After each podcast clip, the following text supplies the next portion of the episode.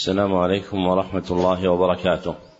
الحمد لله الذي صير الدين مراتب ودرجات وجعل للعلم به أصولا ومهمات. وأشهد أن لا إله إلا الله حقا وأشهد أن محمدا عبده ورسوله صدقا. اللهم صل على محمد وعلى آل محمد كما صليت على إبراهيم وعلى آل إبراهيم إنك حميد مجيد. اللهم بارك على محمد وعلى آل محمد كما باركت على إبراهيم وعلى آل إبراهيم إنك حميد مجيد.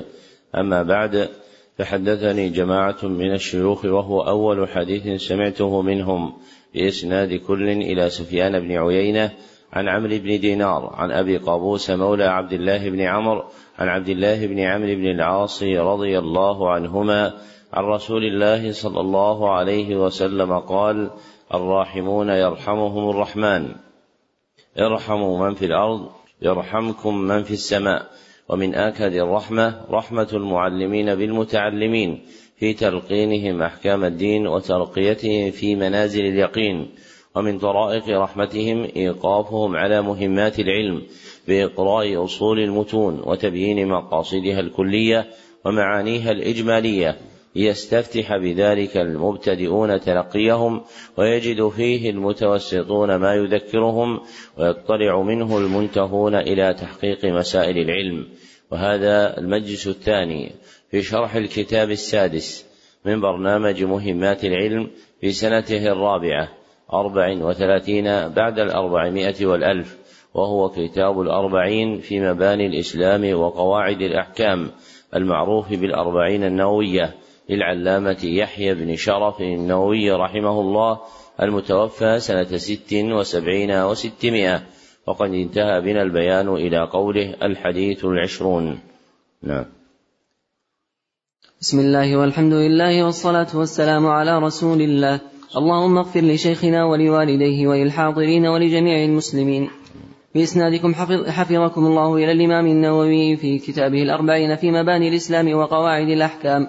قال رحمه الله الحديث الحديث العشرون. عن أبي مسعود عقبة بن عمرو الأنصاري البدري رضي الله عنه قال قال رسول الله صلى الله عليه وسلم إن مما أدرك الناس من كلام النبوة الأولى إذا لم تستح فاصنع ما شئت رواه البخاري. هذا الحديث رواه البخاري في صحيحه دون مسلم. فهو من زوائده عليه. رواه من حديث منصور بن المعتمر عن ربعي بن حراش عن عقبة بن عمرو الأنصاري رضي الله عنه. وقوله صلى الله عليه وسلم إن مما أدرك الناس من كلام النبوة الأولى أي مما أثر من كلام الأنبياء السابقين فصار باقيا في الناس مشهورا بينهم يتناقلونه جيلا جيلا. وقوله فاصنع ما شئت له معنيان صحيحان.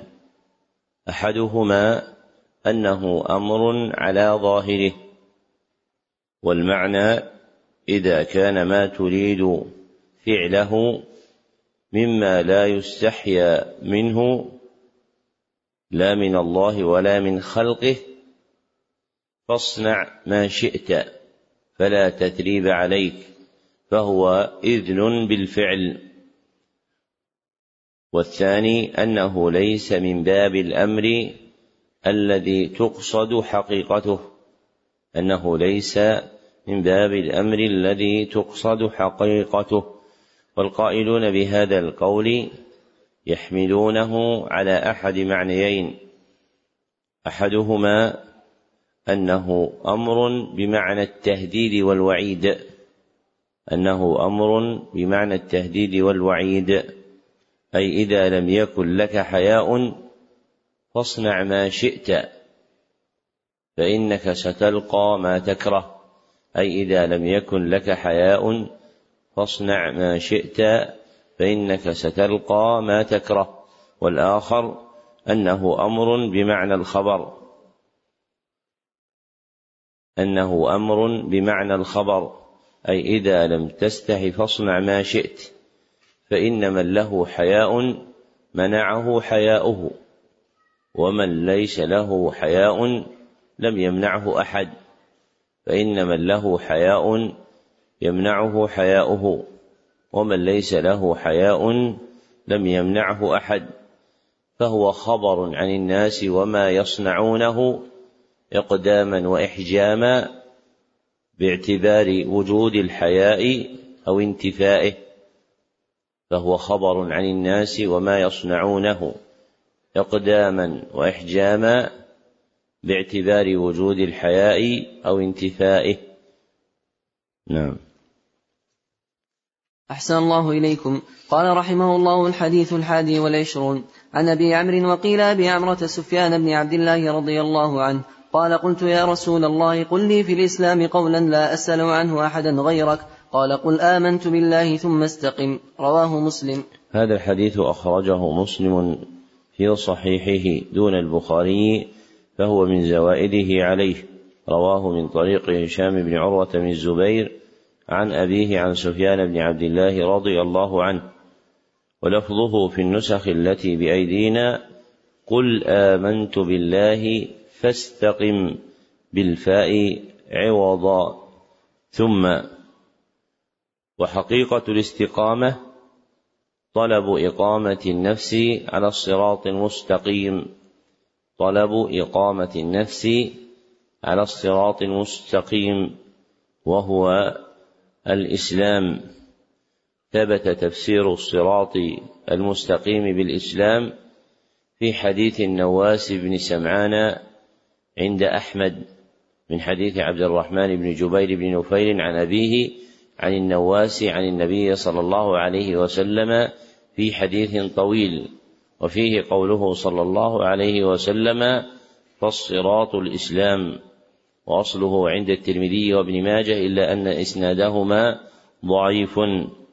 فالمستقيم هو المقيم على شرائع الإسلام المتمسك بها باطنا وظاهرا لأن حقيقة الاستقامة هي سلوك الصراط المستقيم فالمنسوب إليها يكون هو المقيم على شرائع الإسلام باطنا وظاهرا وهذا أحد الأسماء الشرعية المختارة في الخبر عن المنتسبين إلى الإسلام فإن من أسمائهم المستقيمون. نعم. أحسن الله إليكم. قال الحديث الثاني والعشرون عن جابر بن عبد الله الأنصاري رضي الله عنهما أن رجلا سأل رسول الله صلى الله عليه وسلم فقال أرأيت إذا صليت الصلوات المكتوبات وصمت رمضان وأحللت الحلال وحرمت الحرام ولم أزد على ذلك شيئا؟ أأدخل الجنة؟ قال نعم رواه مسلم. ومعنى حرمت الحرام اجتنبته ومعنى أحللت الحلال فعلته معتقدا حله. هذا الحديث أخرجه مسلم دون البخاري فهو من زوائده عليه. رواه من حديث معقل بن عبيد الله عن أبي الزبير المكي عن جابر بن عبد الله رضي الله عنه وقوله فيه وأحللت الحلال أي اعتقدت حله وقيد الفعل الواقع في كلام المصنف فيه نظر لأن استقصاء أفراد الحلال بالفعل مما يتعذر فإن أفراد الحلال تتجدد ويكون في الزمن الآتي ما لم يكن في الزمن السابق فيكفي في ذلك اعتقاد الحل. فمعنى قوله أحللت الحلال أي اعتقدت حله ولو لم يفعله. وقوله وحرمت الحرام أي اعتقدت حرمته مع اجتنابه. أي اعتقدت حرمته مع اجتنابه فلا بد من الجمع بين هاتين المرتبتين. وأولاهما اعتقاد الحرمة وثانيهما اجتناب الحرام. ففي عبارة المصنف قصور فتحريم الحرام لا يكون بمجرد الاجتناب لأن من الناس من يترك الحرام لمروءة أو غيرها كما ترك بعض العرب في الجاهلية شرب الخمر فلا يكمل تحريم الحرام إلا باعتقاد الحرمة مع المباعدة والمجانبة له. ويمكن أن يكون الاعتقاد مستكنا في قول المصنف اجتنبته لكن الإفصاح به أولى. وأهمل ذكر الزكاة والحج في الحديث وهما من أجل شرائع الإسلام الظاهرة باعتبار حال السائل في أصح الأقوال. فإن النبي صلى الله عليه وسلم علم من حاله الظاهرة أنه لا مال له فيزكيه ولا استطاعة له على الحج فيذكره للنبي صلى الله عليه وسلم فسقطتا في حقه. وقوله ولم أزد على ذلك شيئا أأدخل الجنة؟ قال نعم. فيه بيان أن الأعمال المذكورة من موجبات دخول الجنة.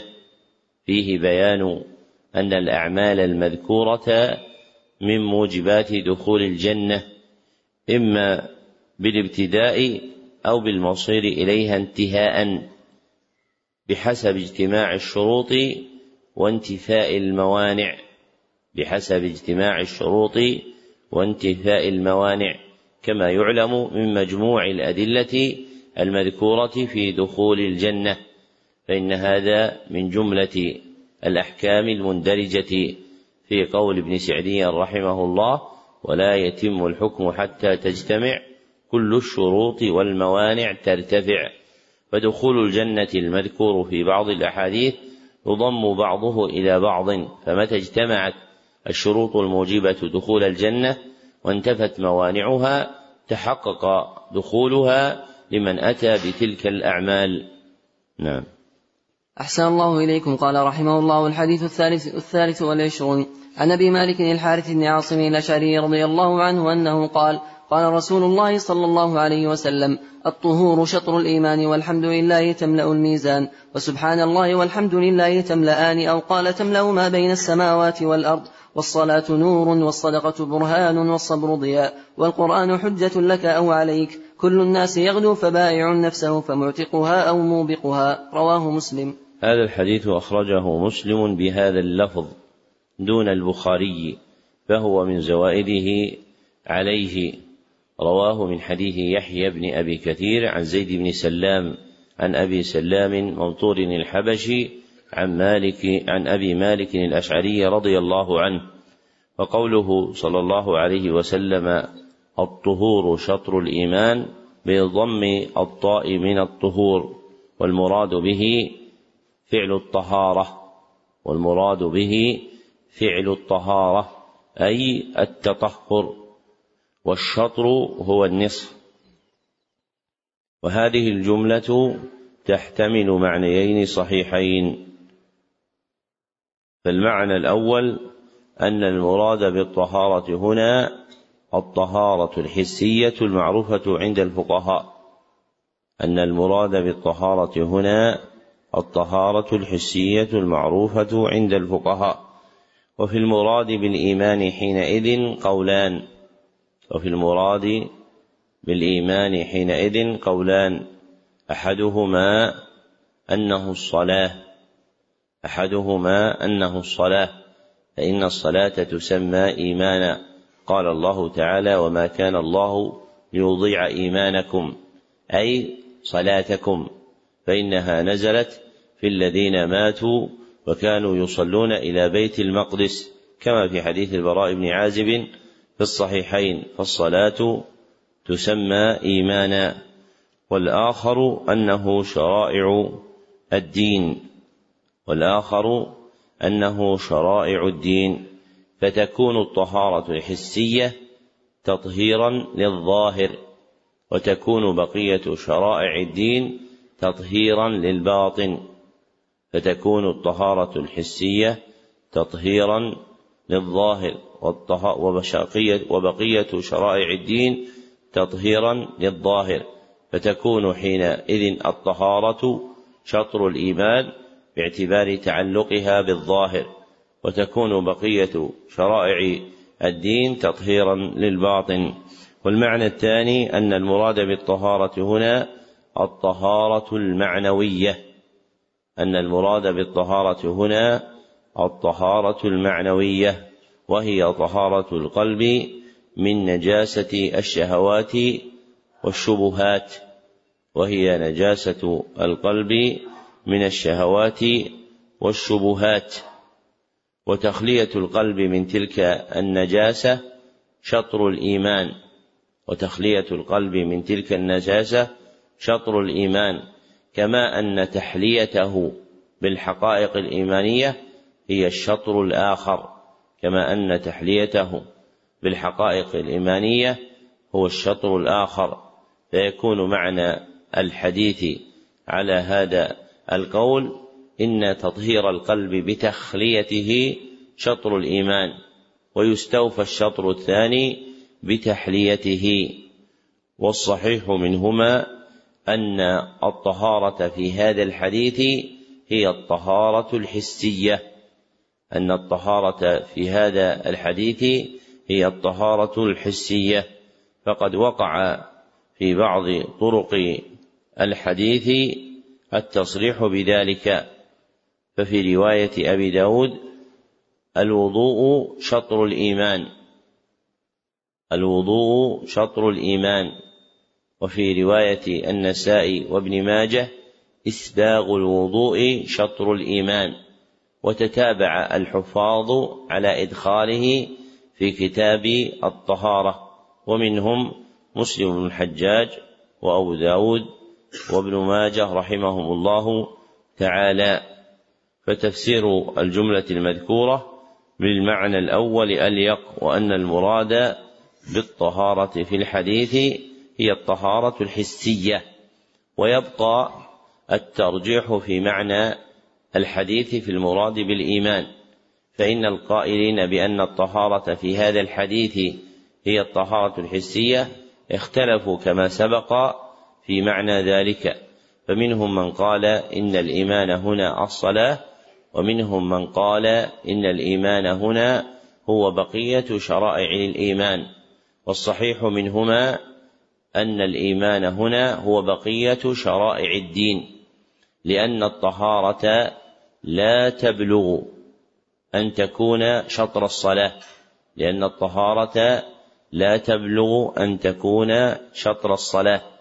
ففي حديث علي عند أصحاب السنن من حديث عبد الله بن محمد بن عقيل عن محمد بن الحنفية عن علي رضي الله عنه أن النبي صلى الله عليه وسلم قال مفتاح الصلاة الطهور مفتاح الصلاة الطهور. فجعل منزلة الطهور من الصلاة كونه مفتاحا لها ومفتاح الشيء لا يبلغ شطره. فالمتحقق هو أن المراد بالإيمان في قوله صلى الله عليه وسلم الطهور شطر الإيمان أي شطر شرائع الدين الإيمانية. فيكون معنى الحديث الطهارة الحسية بالغسل والوضوء والتيمم شطر شرائع الإيمان. ووجه التشطير فيها أن الطهارة الحسية تطهر الظاهر وبقية شرائع الدين تطهر الباطن. فإذا توضأ الإنسان في ظاهره فقد توضأ وإذا صلى أو صام أو حج أو زكى فقد طهر باطنه. وقوله صلى الله عليه وسلم وسبحان الله والحمد لله تملأان أو تملأ ما بين السماء والأرض هكذا على الشك فيما يملأ ما بين السماء والأرض. هل هو الكلمتان معا أو إحداهما؟ فعل الأول يكون المعنى سبحان الله والحمد لله معا تملأان ما بين السماء والأرض. وعلى الثاني تكون كل واحدة منهما تملأ ما بين السماء والأرض. فسبحان الله تملأ ما بين السماء والأرض والحمد لله تملأ ما بين السماء والأرض. ووقع في رواية النساء وابن ماجه والتسبيح والتكبير ملء السماء والأرض. وهذه الرواية أشبه بالصواب. وهذه الرواية أشبه بالصواب. ذكره أبو الفرج ابن رجب في جامع العلوم والحكم. وهو كذلك من وجهين. وهو كذلك من وجهين. أحدهما من جهة الرواية. فإن رواة هذه الرواية عند النسائي وابن ماجه أوثق فهي أصح طريقا أوثق فهي أصح طريقا. وتقديم الصحيحين أو أحدهما لا يقتضي أن يكون في كل حديث أرجح من غيرهما وإنما هذا ترجيح بالنظر إلى مجموع ما فيهما. أما باعتبار الأفراد فربما كان في رواية أصحاب السنن أو غيرهم ما يكون أصح طريقا وأوثق رجالا من روايتهما. كهذه الرواية عند النساء وابن ماجه فإن رواتها أوثق من الرواية الواقعة في صحيح مسلم مع الشك. والجهة الثانية من جهة الدراية فلأن ميزان فلأن ملء الميزان أعظم من ملء ما بين السماء والأرض. والحمد لله كما في الحديث تملأ الميزان فكيف تكون بمفردها تملأ الميزان؟ فإذا ضمت إليها كلمة سبحان نقصت سبحان الله نقصت عن ذلك. فالمحفوظ في لفظ الحديث والتسبيح والتكبير يملأان ما بين السماء والأرض. وقوله صلى الله عليه وسلم والصلاة نور والصدقة برهان والصبر ضياء تمثيل لقدر هذه الأعمال فيما يتعلق بأمرين تمثيل لهذه الأعمال فيما يتعلق بأمرين أحدهما ما يجده العبد من أثرهما في الدنيا ما يجده العبد من أثرها في الدنيا.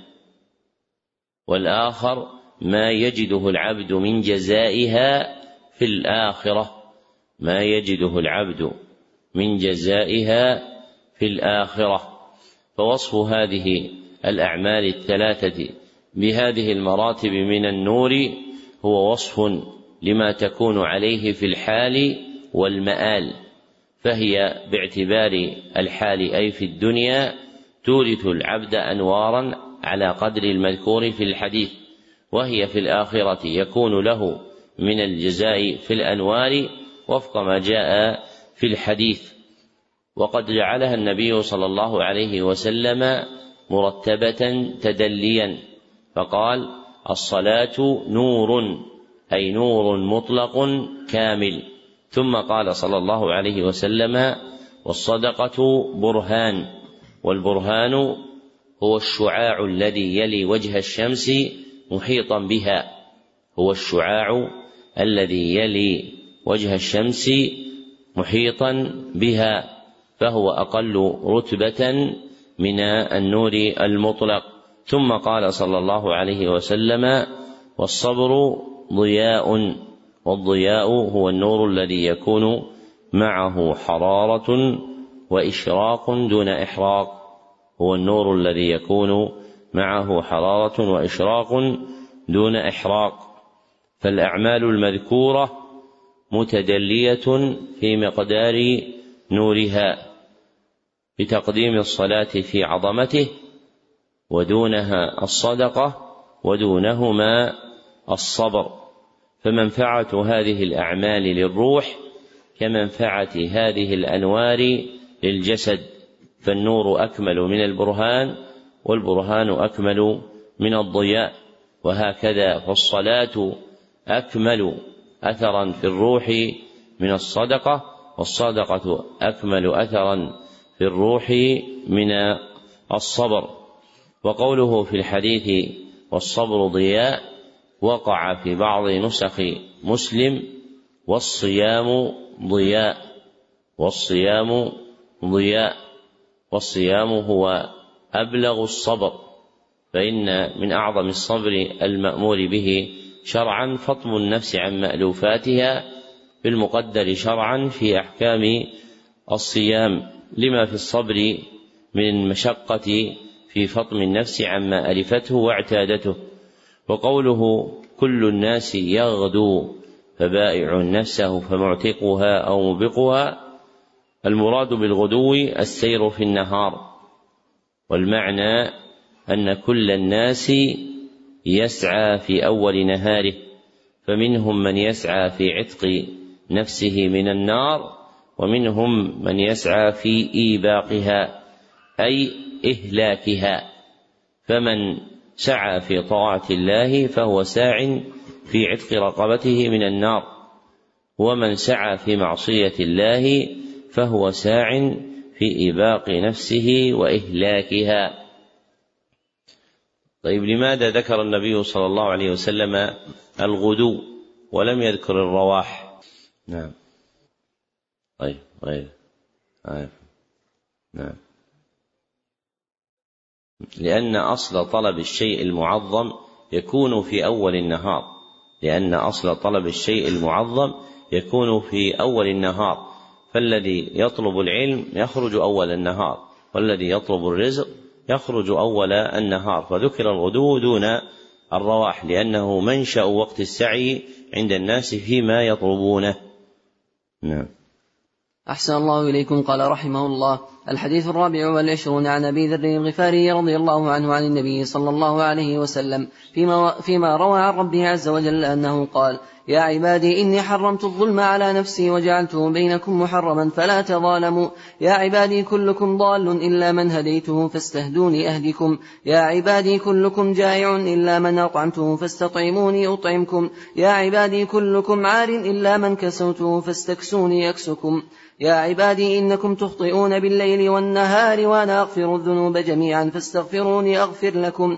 يا عبادي إنكم لن تبلغوا ضري فتضروني ولن تبلغوا نفعي فتنفعوني. يا عبادي لو أن أولكم وآخركم وإنسكم وجنكم كانوا على أتقى قلب رجل واحد منكم ما زاد ذلك في ملكي شيئا. يا عبادي لو أن أولكم وآخركم وإنسكم وجنكم كانوا على أفجر قلب رجل واحد ما نقص ذلك من ملكي شيئا.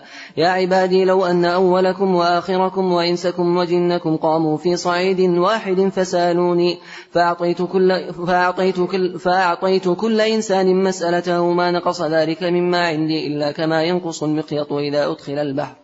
يا عبادي إنما هي أعمالكم أحصيها لكم ثم أوفيكم إياها. فمن وجد خيرا فليحمد الله ومن وجد غير ذلك فلا يلومن إلا نفسه. رواه مسلم. هذا الحديث أخرجه مسلم في صحيحه بهذا اللفظ دون البخاري فهو من أفراده عليه فهو من زوائده عليه. رواه من حديث سعيد بن عبد العزيز عن ربيعة بن يزيد عن أبي إدريس الخولاني عن أبي ذر رضي الله عنه وأوله في النسخ التي بأيدينا فيما روى عن الله تبارك وتعالى. وقوله تعالى يا عبادي إني حرمت الظلم على نفسي فيه بيان حرمة الظلم من جهتين. فيه بيان حرمة الظلم من جهتين إحداهما أن الله حرمه على نفسه. أن الله حرمه على نفسه. فإذا كان محرما على الله مع كمال قدرته وملكه فحرمته على العبد أولى مع ظهور عجزه ونقص ملكه. فإذا كان محرما على الله عز وجل مع كمال قدرته وملكه فحرمته على العبد أولى مع ظهور عجزه ونقص ملكه.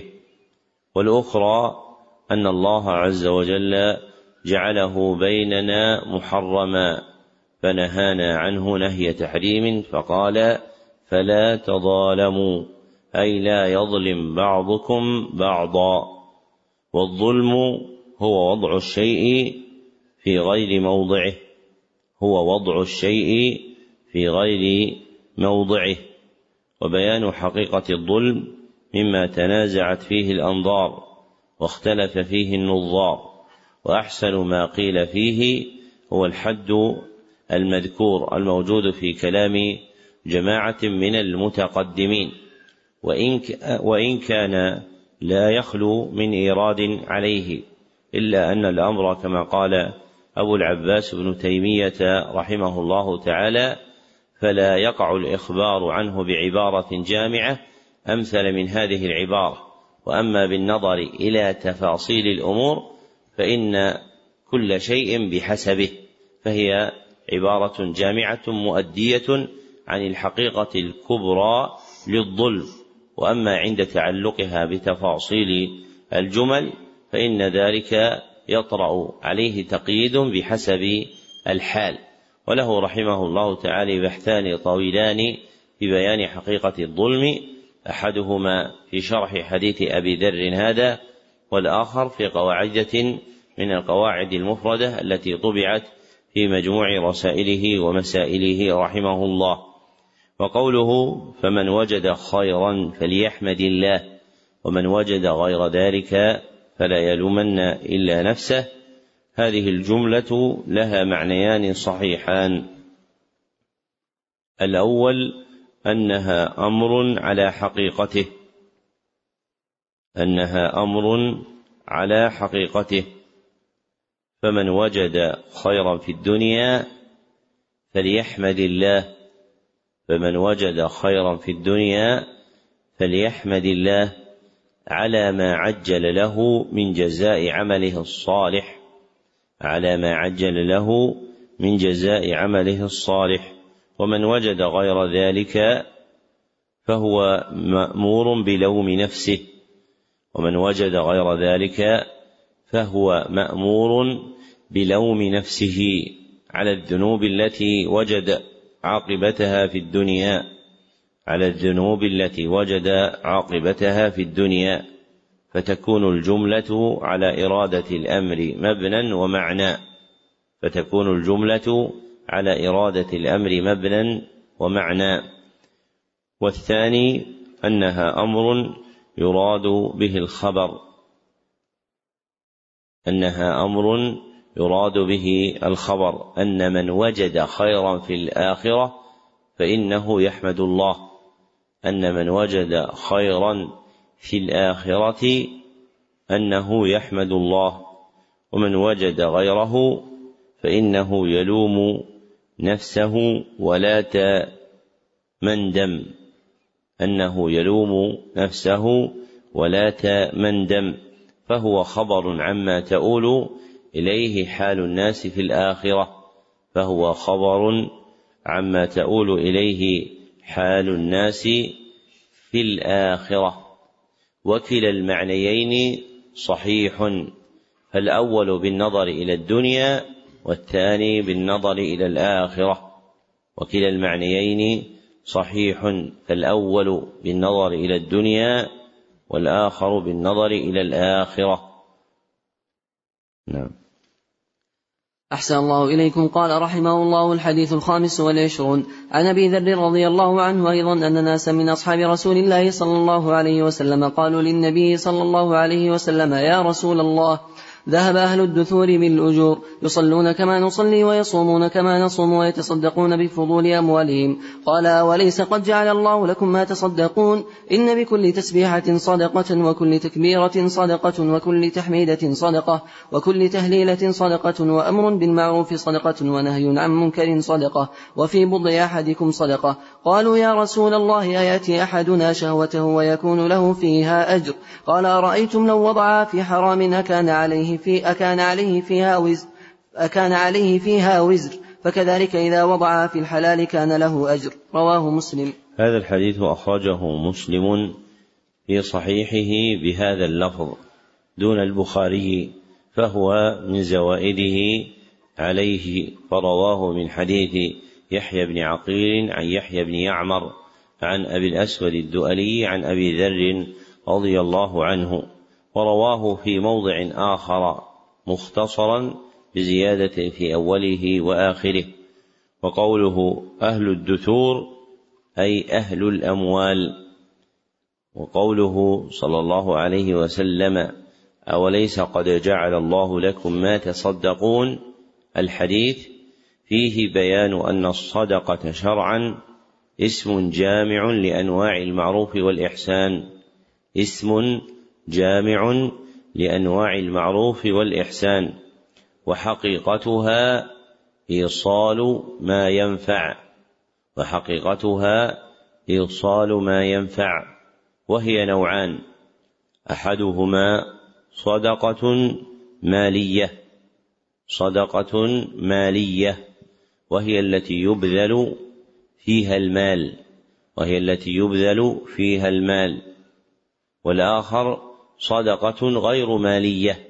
صدقة غير مالية وهي التي لا يبذل فيها المال وهي التي لا يبذل فيها المال كالتسبيح والتهليل والتكبير والتحميد والأمر بالمعروف والنهي عن المنكر. وقوله وفي بضع أحدكم صدقة البضع بضم الباء الموحدة كلمة يكنى بها عن الفرج وتطلق على الجماع أيضا وتطلق على الجماع أيضا. ذكره المصنف في شرحه على مسلم وكلاهما تصح إرادته هنا وكلاهما تصح إرادته هنا. وقوله أرأيتم لو وضعها في حرام؟ ظاهره أن العبد يؤجر على إتيان أهله ولو لم تكن له نية صالحة. ظاهره أن العبد يؤجر على إتيان أهله ولو لم تكن له نية صالحة. وهذا الظاهر يرد إلى الأدلة المقيدة أنه لا ثواب إلا بنية أنه لا ثواب إلا بنية فمن باشر مباحا بلا نية صالحة لم يثب عليه وإنما تكون الإثابة بالنظر إلى نيته الصالحة فمن أتى أهله ناويا إعفاف نفسه وأهله وطلب ولد صالح تحقق له الثواب فإن خلا من النيات الصالحة كان امرا مباحا في حقه فيرد ظاهر الحديث إلى ما ورد من أدلة الشريعة الكثيرة في تقييد تعليق الثواب على العمل في تعاطي المباح على اصطحاب النية الصالحة معه. ووقع في آخر الرواية المختصرة عند مسلم ويجزئ من ذلك ركعتان يركعهما من الضحى ويجزئ من ذلك ركعتان يركعهما من الضحى أي يكفي عن تلك الصدقات المذكورة إيقاع صلاة ذات ركعتين. وسيأتي بيان وجه ذلك في الحديث الآتي. نعم. أحسن الله إليكم. قال رحمه الله الحديث السادس والعشرون. عن أبي هريرة رضي الله عنه أنه قال قال رسول الله صلى الله عليه وسلم كل سلامة من الناس عليه صدقة كل يوم تطلع فيه الشمس تعدل بين اثنين صدقة وتعين الرجل في وتعين الرجل في دابته فتحمله عليها أو ترفع له عليها متاعه صدقة والكلمة الطيبة صدقة وبكل خطوة وبكل خطوة تمشيها إلى الصلاة صدقة وتميط الأذى عن الطريق صدقة رواه البخاري ومسلم. هذا الحديث أخرجه البخاري ومسلم كما ذكر المصنف فهو من المتفق عليه رواياه من حديث معمر بن راشد عن همام بن منبه عن أبي هريرة رضي الله عنه. واللفظ المذكور أقرب إلى سياق مسلم ولفظ البخاري قريب منه. وقوله كل سلام من الناس السلام هي المفصل السلامة هو المفصل. وعدة مفاصل الإنسان ستون وثلاثمائة. وعدة مفاصل الإنسان ستون وثلاثمائة. وقع التصريح به في صحيح مسلم من حديث عائشة أن النبي صلى الله عليه وسلم قال إنه خلق كل إنسان من بني آدم على ستين وثلاثمائة مفصل الحديث. وقوله عليه صدقة أي تجب فيه صدقة على العبد أي تجب فيه صدقة على العبد لأن على موضوعة في الخطاب الشرعي للدلالة على الإيجاب لأن على موضوعة في الخطاب الشرعي للدلالة على الإيجاب. ومنه قوله تعالى ولله على الناس حج البيت الآية والمراد بذلك أن اتساق العظام وسلامة تركيبها في حسن خلق الإنسان نعمة عظيمة من الله سبحانه وتعالى توجب عليه التصدق عن كل مفصل ليحصل له شكر هذه النعمة. التي أستاها الله سبحانه وتعالى عليه. والوفاء بشكر هذه النعمة يكون بالأعمال الصالحة المذكورة في هذا الحديث. فإذا عدل الإنسان بين اثنين بالإصلاح بينهما فهو صدقة. وإذا أعان أحدا في دابته فحمله عليها فهو صدقة. إلى آخر ما ذكر النبي صلى الله عليه وسلم مع ما تقدم في الحديث السابق من أنواع الصدقات. فتكثير أنواع الصدقات يتحقق به شكر هذه النعمة لمن قام بها إلا أن ذلك متوقف على أن يصيب عدد المفاصل التي في جسده. فإذا أدى من الأعمال عدتها أدى شكر يومه وهو أمر ثقيل.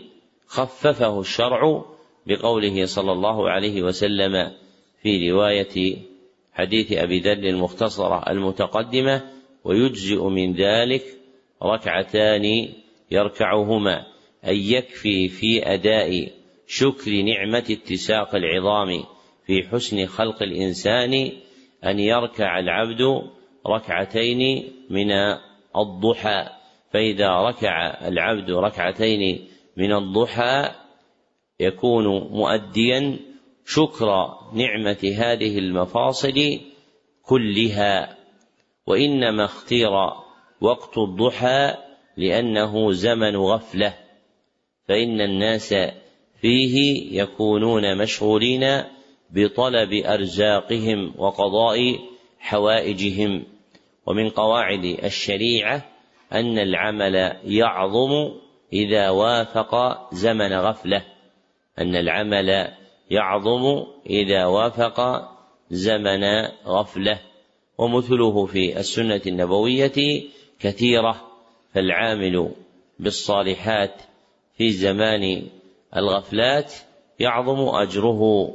فإذا صلى العبد في الضحى وهو زمن غفلة ركعتين فإنه بهاتين الركعتين يكون مؤديا شكر هذه المفاصل لأن المفاصل المذكورة بعددها السابق يقع تحريكها في أداء ركعتين فيكون العبد شاكرا لله بأدائه هاتين الركعتين تقربا نفلا لله في وقت الضحى نعم.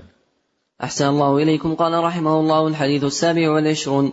عن النواس بن سمعان رضي الله عنه عن النبي صلى الله عليه وسلم أنه قال البر حسن الخلق والإثم ما حاك في نفسك وكرهت أن يطلع عليه الناس رواه مسلم. وعن وابصة بن معبد رضي الله عنه أنه قال أتيت رسول الله صلى الله عليه وسلم فقال جئت تسأل عن البر. قلت نعم. قال استفت قلبك البر ما اطمأنت إليه النفس واطمأن إليه القلب. والإثم ما حاك في نفس والإثم ما حاك في النفس وتردد في الصدر وإن أفتاك الناس وأفتوك. حديث حسن رويناه في مسندي الإمامين أحمد بن حنبل والدارمي بإسناد حسن. هذه الترجمة الحديث السابع والعشرون تشتمل على حديثين لا حديث واحد وباندراجه وباندراجهما في ترجمة واحدة تكون عدة أحاديث الأربعين باعتبار التفصيل ثلاثة وأربعين حديثا. لأن الحديث السابع والعشرين فيه حديثان وأما باعتبار التراجم فهي كما تقدم اثنان وأربعون حديثا. وأورد المصنف رحمه الله تعالى في هذه الترجمة حديثان أحدهما حديث النواس والآخر حديث وابصة. فأما حديث النواس رضي الله عنه فهو عند مسلم بهذا اللفظ ولم يروه البخاري فهو من زوائد مسلم عليه. رواه من حديث معاوية بن صالح عن عبد الرحمن بن جبير بن نفير عن أبيه عن النواس بن سمعان رضي الله عنه. وأما حديث وابصة فرواه أحمد في مسنده والدارمي في المسند الجامع المعروف بالسنن بإسناد ضعيف. ورواه الطبراني في المعجم الكبير من وجه آخر لا يثبت وله شاهد عند الطبراني في المعجم الكبير من حديث أبي ثعلبة الخشني جود أبو الفرج ابن رجب إسناده فحديث وابصة بالنظر إلى شاهده من حديث أبي ثعلبة يتقوى ويرتفع من ضعفه فيكون حسنا. وقوله صلى الله عليه وسلم في حديث النواس البر حسن الخلق البر يطلق على معنيين. البر الخلق يطلق على معنيين. أحدهما خاص أحدهما خاص وهو ما يقع بين العبد وغيره من المعاشرة والمعاملة. من المعاشرة والمعاملة والآخر عام وهو الدين كله والآخر عام وهو الدين كله فإنه يسمى خلقا ومنه قوله تعالى وإنك لعلى خلق عظيم أي دين عظيم قاله مجاهد وغيره. فيكون حسن الخلق تارة متعلقا بأمر خاص وهو المعاملة وتارة يكون متعلقا بأمر عام وهو الدين. فيقع البر وفق ذلك فكما أن الخلق يكون خاصا وعاما فإن البر باعتبار حقيقته يكون خاصا وعاما. فإذا قيل إن الخلق هو المعاملة بين العبد وبين غيره فيكون البر ذا معنى خاص وهو إحسان المعاملة بين العبد وبين غيره. وإذا كان الخلق عاما صار البر عاما. وهذا كله بيان لحقيقة البر في نفسه. ويقابل البر الإثم وله مرتبتان. ويقابل البر الإثم وله مرتبتان. الأولى ما حاك في النفس وتردد في القلب. ما حاك في النفس وتردد في القلب. وكرهت أن يطلع عليه الناس. وكرهت أن يطلع عليه الناس لاستنكارهم له. لاستنكارهم له. وهذه المرتبة مذكورة في حديث النواس ووابصة معا. والمرتبة الثانية ما حاك في النفس وتردد في القلب. ما حاك في النفس وتردد في القلب. وإن أفتاه غيره أنه ليس بإثم. وإن أفتاه غيره أنه ليس بإثم. وهي المذكورة في حديث وابصة وحده. والمرتبة الثانية أشد على صاحبها من سابقتها فإنه يجد في الثانية من يعزره ويقويه على ما وقع في نفسه فيجد مفتيا يفتيه أنه ليس بإثم. أما في المرتبة الأولى فإن الناس كافة يستنكرون عليه مواقعته له. وهذا بيان للإثم في حقيقته. يكون بيان للإثم بالنظر إلى أثره أنه يحيك في النفس ويتردد في القلب. وأما باعتبار حقيقته فهو ما بطأ بالعبد عن الخير وأخره عن الصلاح ما بطأ بالعبد عن الخير وأخره عن الصلاح. فالإثم له حدان. أحدهما حده بالنظر إلى أثره حده بالنظر إلى أثره وهو المذكور في الحديث أنه ما حاك في النفس وتردد في الصدر والآخر حده بالنظر إلى حقيقته حده بالنظر إلى حقيقته وهو ما بطأ بصاحبه عن الخير وأخره عن الفلاح. وقوله في حديث وابصة استفت قلبك أمر باستفتاء القلب وهو مخصوص بمحل الاشتباه في تحقيق مناط الحكم وهو مخصوص بتحقيق محل الاشتباه في مناط الحكم وليس مسلطا على حكم الشيء نفسه فليس القلب محلا للاستدلال بحل شيء أو حرمته وإنما يرجع إليه في تحقيق المناط الذي رتب عليه الحكم شرعا هل هو موجود أم غير موجود؟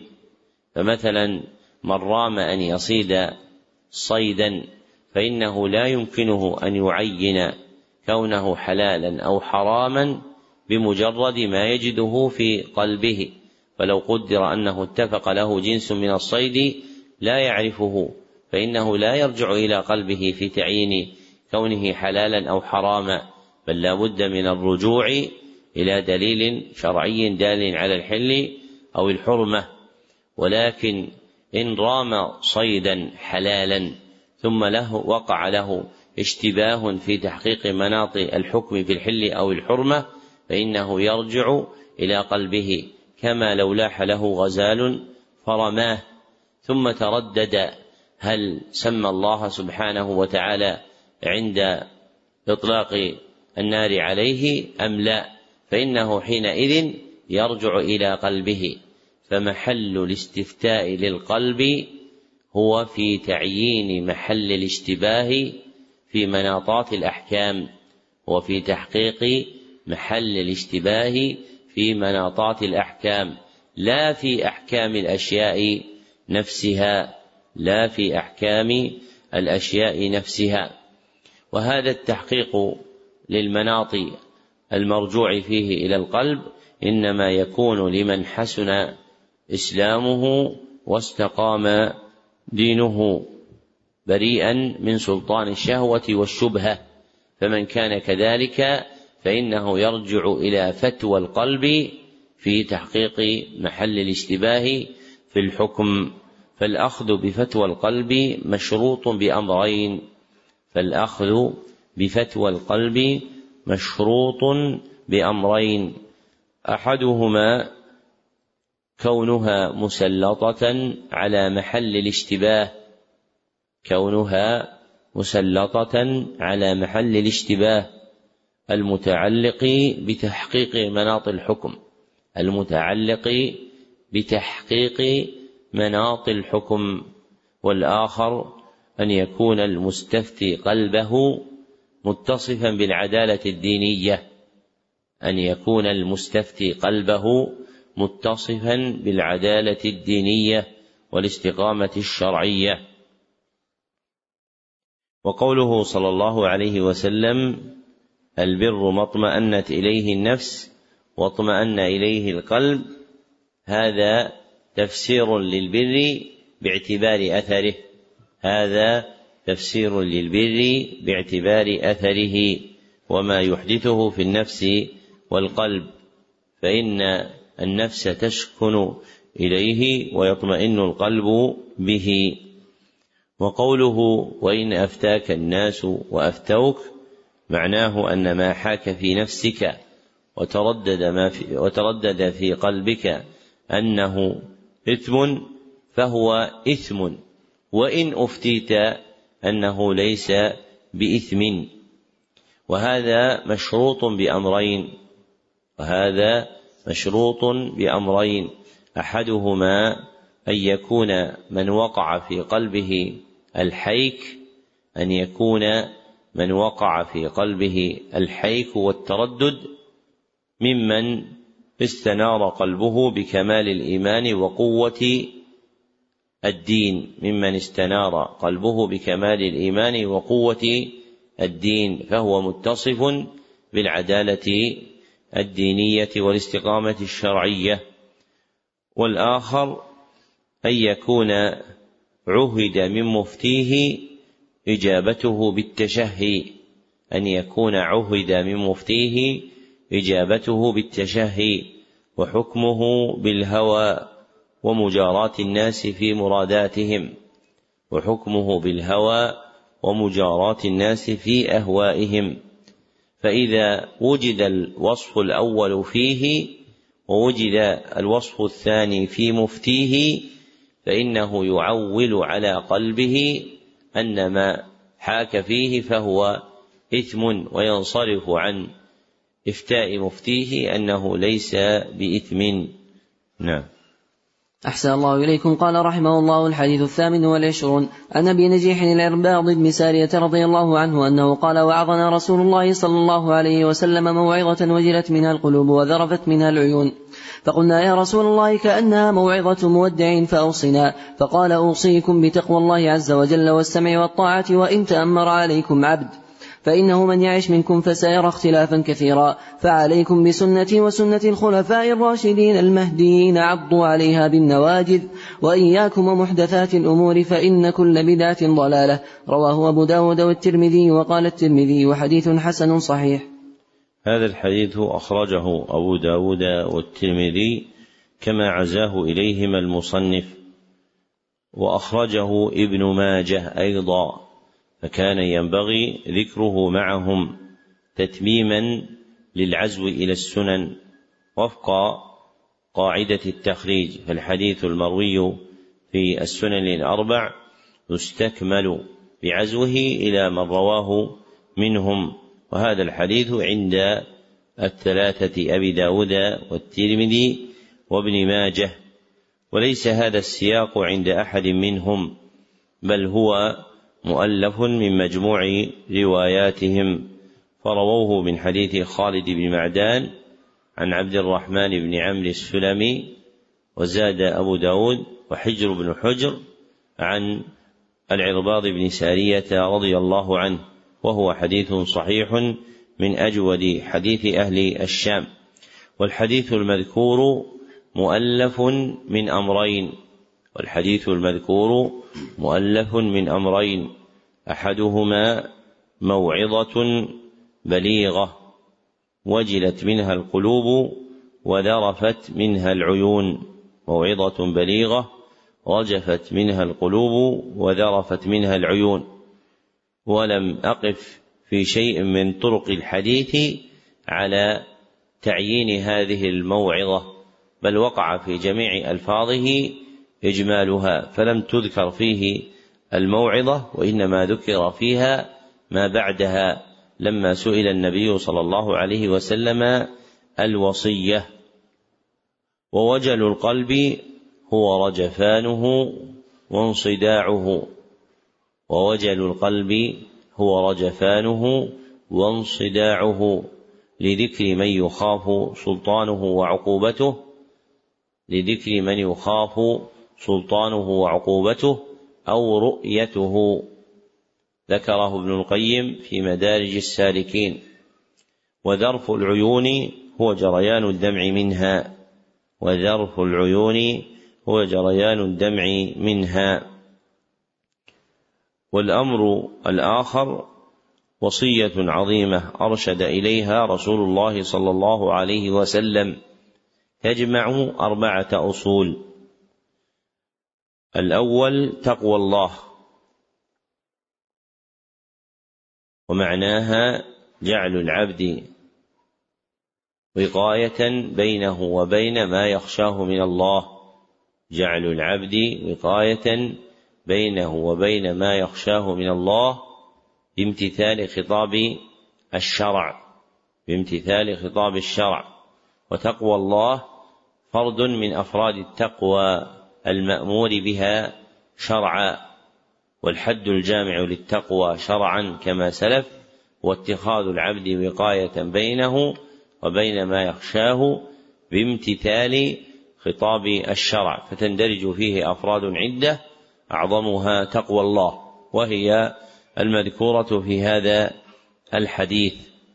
والثاني السمع والطاعة لمن ولاه الله أمرنا.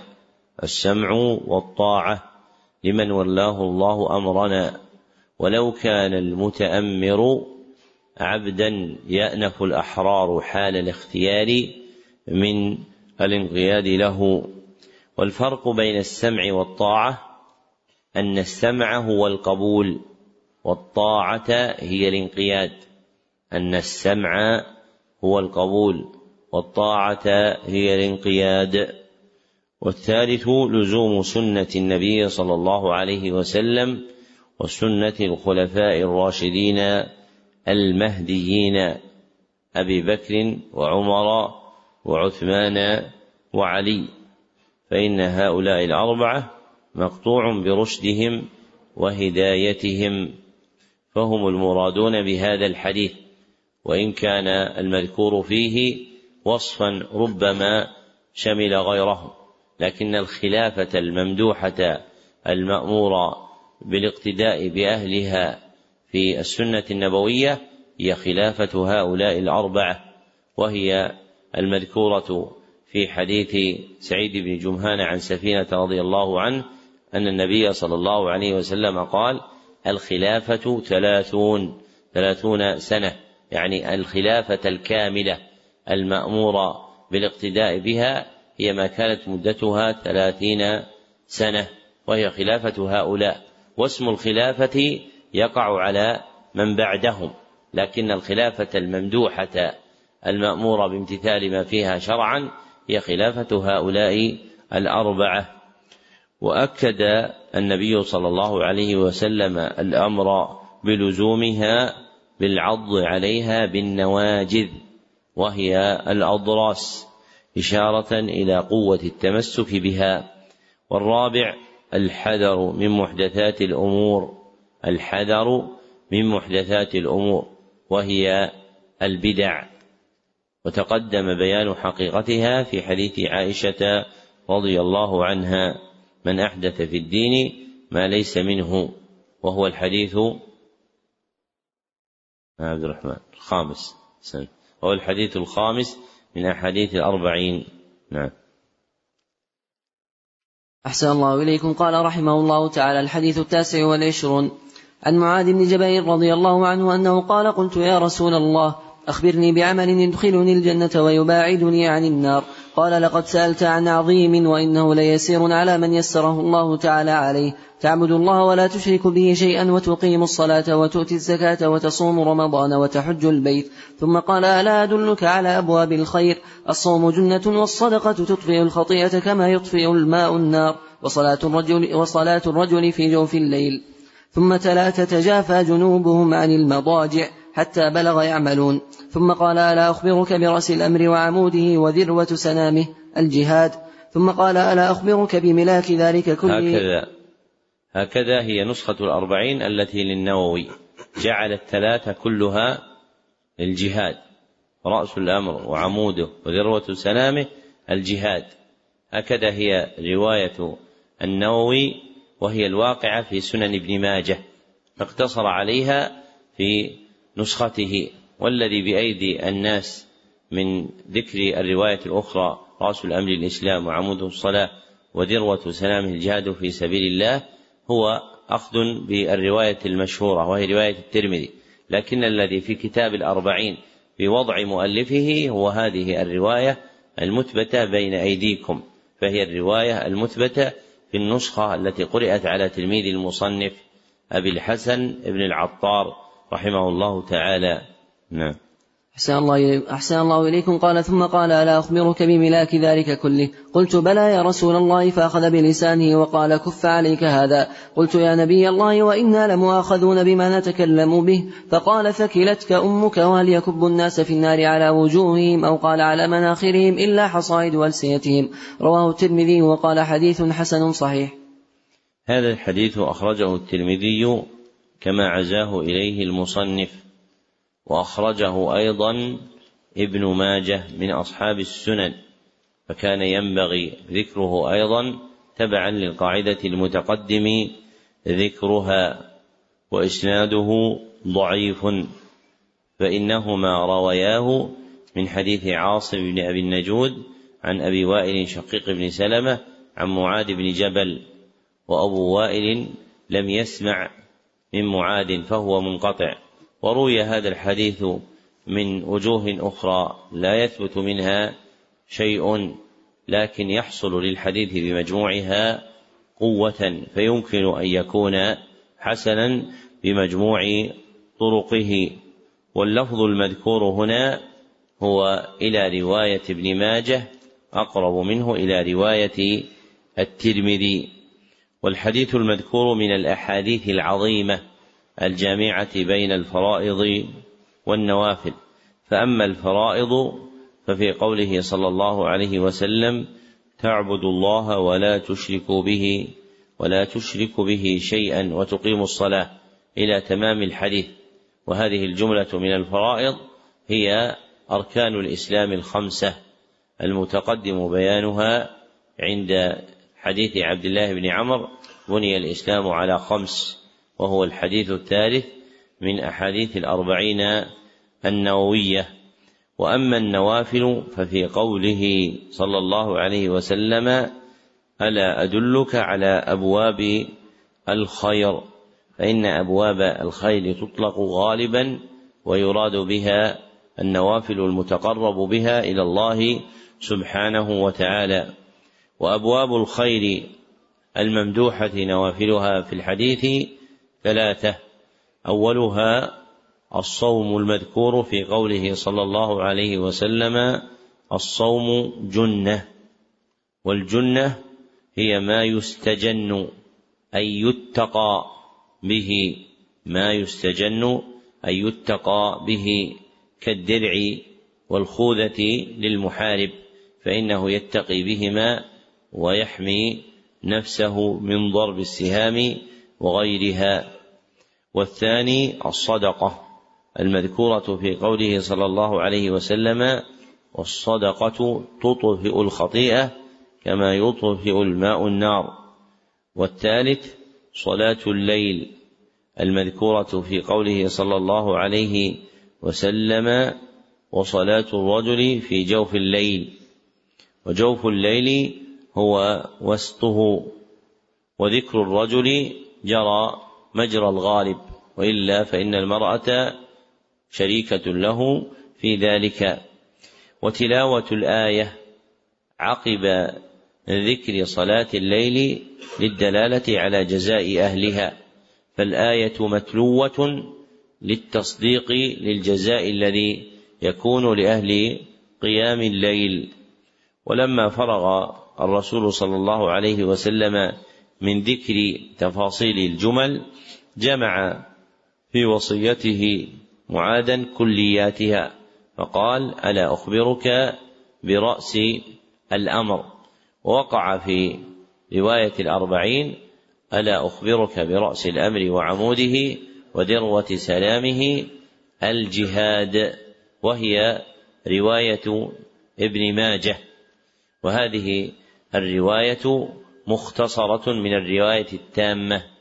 ذكره السندي في حاشيته على ابن ماجه.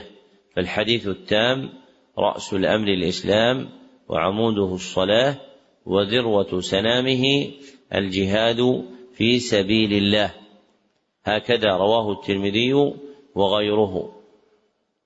والمراد بقوله صلى الله عليه وسلم رأس الأمر أي الدين الذي جاء به النبي صلى الله عليه وسلم هو الإسلام. والمراد بالإسلام هنا الشهادتان لأن فيهما إسلام الوجه لله تعالى بالإخلاص ولرسوله صلى الله عليه وسلم بالمتابعة. وقوله وعموده الصلاة أي ما يقوم عليه الدين كقيام الفسطاط بعموده والفسطاط اسم للخيمة الكبيرة فمنزلة الصلاة من الدين كمنزلة العمود من الفسطاط. وقوله وذروة سنامه الجهاد أي أعلاه وأرفعه هو الجهاد في سبيل الله. فالذروة بكسر الذال وضمها هي أعلى الشيء. ذكر بعض المتأخرين الفتح أيضا وهو لغة ضعيفة. ثم بين النبي صلى الله عليه وسلم ملاك الأمر كله فقال ألا أخبرك بملاك ذلك كله؟ ثم قال كف عليك هذا أي اللسان والملاك بكسر الميم وفتحها بكسر الميم وفتحها. إلا أن الرواية بالكسر إلا أن الرواية بالكسر. ذكره السندي في حاشيته على سنن ابن ماجه. ومما ينبه إليه في هذا المقام أن الأحاديث النبوية ضعف ضبطها بالتلقي في الناس وصار المعول عليه هو ما يذكره الشراح وما تقبله اللغة. فإذا أريد ضبط شيء منها نظر إلى ما ذكره الشراح وما وقع في دواوين اللغة المنقولة عن العرب. وإذا تيسر معرفة وجه الرواية صار هو المقدم. فتجد في بعض الشروح الإنباه إلى الرواية المسموعة. كهذا الحديث. فإن الملاك في كلام العرب يكون بكسر الميم وفتحها. ووقع عند السندي في حاشيته على سنن ابن ماجه الخبر بأن الرواية المسموعة في هذا الحديث هو بالكسر بملاك ذلك كله. وملاك الشيء هو قوامه وعماده ونظامه. هو قوامه وعماده ونظامه. والأمر الذي يعتمد عليه منه والأمر الذي يعتمد عليه منه. فقوام دين العبد هو إمساكه للسانه. فقوام دين العبد هو إمساكه للسانه. فأصل الخير وجماعه هو حفظ اللسان. فأصل الخير وجماعه هو حفظ اللسان. وقوله ثكلتك أمك أي فقدتك. وهذا دعاء لا تراد به حقيقته فهي كلمة تجري على ألسنة العرب لا يريدون بها حقيقتها وإنما يريدون بها تنبيه المخاطب فإن الدعاء بمثل ذلك يوقظ قلبه ويوجه همته لما يخاطب به وقوله وهل يكب الناس في النار على وجوههم أو على مناخرهم إلا حصائد ألسنتهم؟ أي يطرح الناس فالذي يطرح الناس على وجوههم أو مناخرهم وهي أنوفهم هي حصائد ألسنتهم.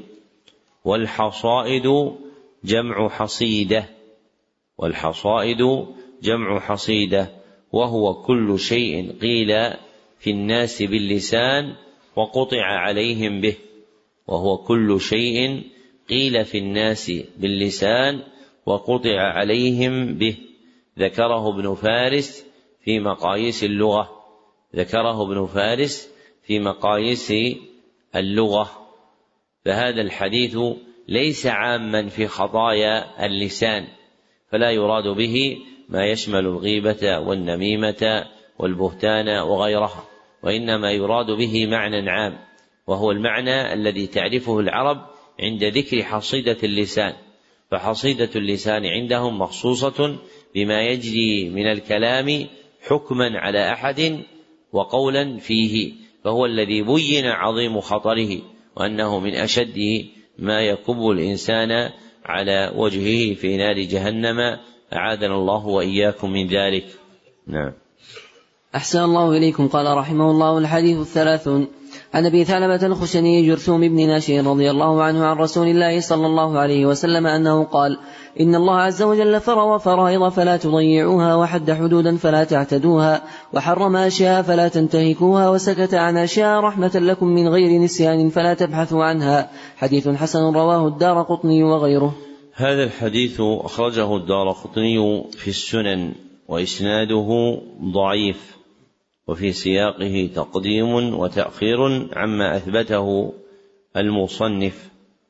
وليس عنده في النسخة المنشورة رحمة لكم وإنما سكت عن أشياء من غير نسيان. وفي الحديث جماع أحكام الدين فقد قسمت فيه الأحكام إلى أربعة أقسام مع ذكر الواجب فيها.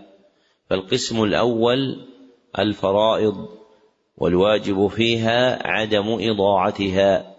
فالقسم الأول الفرائض والواجب فيها عدم إضاعتها. والقسم الثاني الحدود. والقسم الثاني الحدود. والمراد بها في هذا الحديث ما أذن الله به. والمراد بها في هذا الحديث ما أذن الله به فيشمل الفرض والنفل والحلال. فيشمل الفرض والنفل والحلال. والواجب فيها عدم تعديها. والواجب فيها عدم تعديها أي عدم مجاوزة الحد المأذون فيه أي عدم مجاوزة الحد المأذون فيه. والقسم الثالث المحرمات والقسم الثالث المحرمات والواجب فيها عدم انتهاكها والواجب فيها عدم انتهاكها بالكف عن قربانها والانتهاء عن اقترافها بالكف عن قربانها والانتهاء عن اقترافها والقسم الرابع المسكوت عنه. والقسم الرابع المسكوت عنه وهو ما لم يذكر حكمه خبرا أو طلبا وهو ما لم يذكر حكمه خبرا أو طلبا بل هو مما عفى الله بل هو مما عفى الله عنه. والواجب فيه عدم البحث عنه والواجب فيه عدم البحث عنه وقوله وسكت عن أشياء فيه إثبات صفة السكوت لله عز وجل. فيه إثبات صفة السكوت لله عز وجل. والإجماع منعقد عليها. والإجماع منعقد عليها. ذكره أبو العباس ابن تيمية الحفيد. والمراد بالسكوت هو عدم إظهار الحكم وبيانه. عدم إظهار الحكم وبيانه. فإذا طوي حكم الشيء ولم يظهر كان ذلك سكوتا لأن أصل السكوت في كلام العرب هو الانقطاع والسياقات الأثرية الواردة في الأحاديث. وما جاء عن ابن عباس من أثر في هذا يدل أن معنى السكوت في الحديث هو عدم إظهار الحكم وليس المراد به الانقطاع عن الكلام. والانقطاع عن الكلام يسمى سكوتا لكنه ليس المراد في الحديث وإنما معنى الصفة ها هنا هو عدم بيان الحكم. والصفة ربما اشترك فيها معنيان أو أكثر يثبت أحدهما لله وينفى الآخر كصفة النسيان فإن النسيان يقع بمعنى الترك عن علم وعمد وهذا هو المذكور في قوله تعالى نسوا الله فنسيه وتارة يكون المراد به الذهول عن المعلوم وهذا هو الذي نفاه الله عن نفسه في قوله وما كان ربك نسيا نعم. أحسن الله إليكم. قال رحمه الله الحديث الحادي والثلاثون. عن أبي العباس سهل بن سعد الساعدي رضي الله عنه أنه قال جاء رجل إلى النبي صلى الله عليه وسلم فقال يا رسول الله دلني على عمل إذا أنا عملته واحبني الله وأحبني الناس. فقال ازهد في الدنيا يحبك الله وازهد فيما عند الناس يحبك الناس. حديث حسن رواه ابن ماجه وغيره بأسانيد حسنة. هذا الحديث أخرجه ابن ماجه. وإسناده ضعيف جدا. فإنه من رواية خالد بن عمرو عن سفيان الثوري عن أبي حازم عن سهل بن سعد وخالد بن عمرو الواسطي أحد الكذابين. وأوله عنده أتى النبي صلى الله عليه وسلم رجل وروي الحديث من وجوه أخرى لا يثبت منها شيء فتحسين الحديث بعيد جدا. والزهد في الدنيا شرعا الرغبة عما لا ينفع في الآخرة. الرغبة عما لا ينفع في الآخرة. وهذا معنى قول أبي العباس بن تيمية في الزهد ترك ما لا ينفع في الآخرة. ويندرج في الوصف المذكور أربعة أشياء. ويندرج في الوصف المذكور أربعة أشياء. أحدها المحرمات أحدها المحرمات وثانيها المكروهات وثالثها المشتبهات لمن لا يتبينها المشتبهات لمن لا يتبينها ورابعها فضول المباحات فضول المباحات.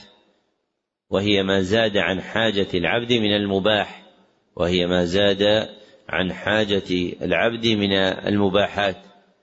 فالزهد واقع في هؤلاء الأربعة وما كان زائدا عنها فإنه لا يدخل في حقيقة الزهد. فتناول المباح مأذون به وليس من الزهد ترك المباح وإنما الذي يعاب من المباح هو تعاطي فضوله أي الزائد عن حاجة العبد.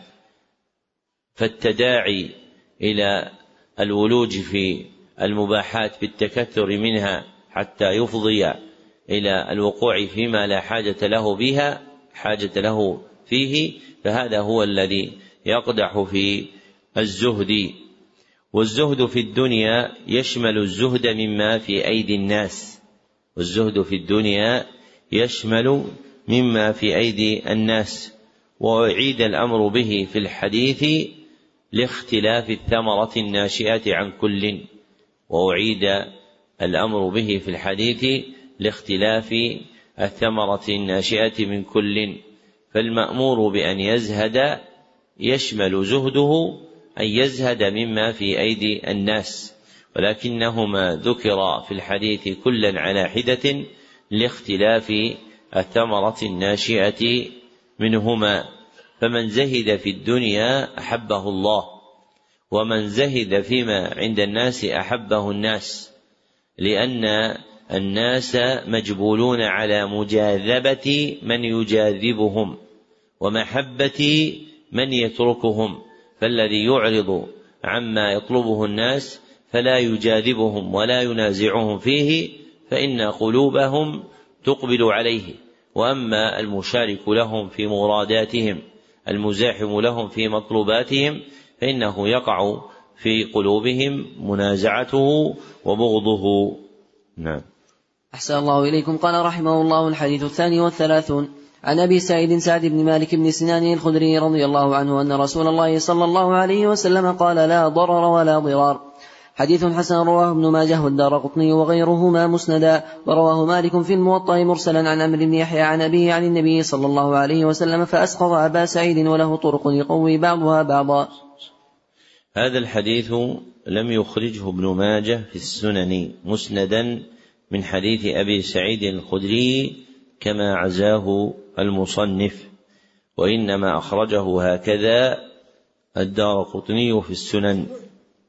ولا يثبت موصولا والمحفوظ فيه أنه مرسل فإنه رواه من حديث عثمان بن محمد عن عبد العزيز الدراوردي عن عمرو بن يحيى المازني عن أبيه عن أبي سعيد والمحفوظ روايته عن عمرو بن يحيى المازني عن أبيه مرسلا عن النبي صلى الله عليه وسلم.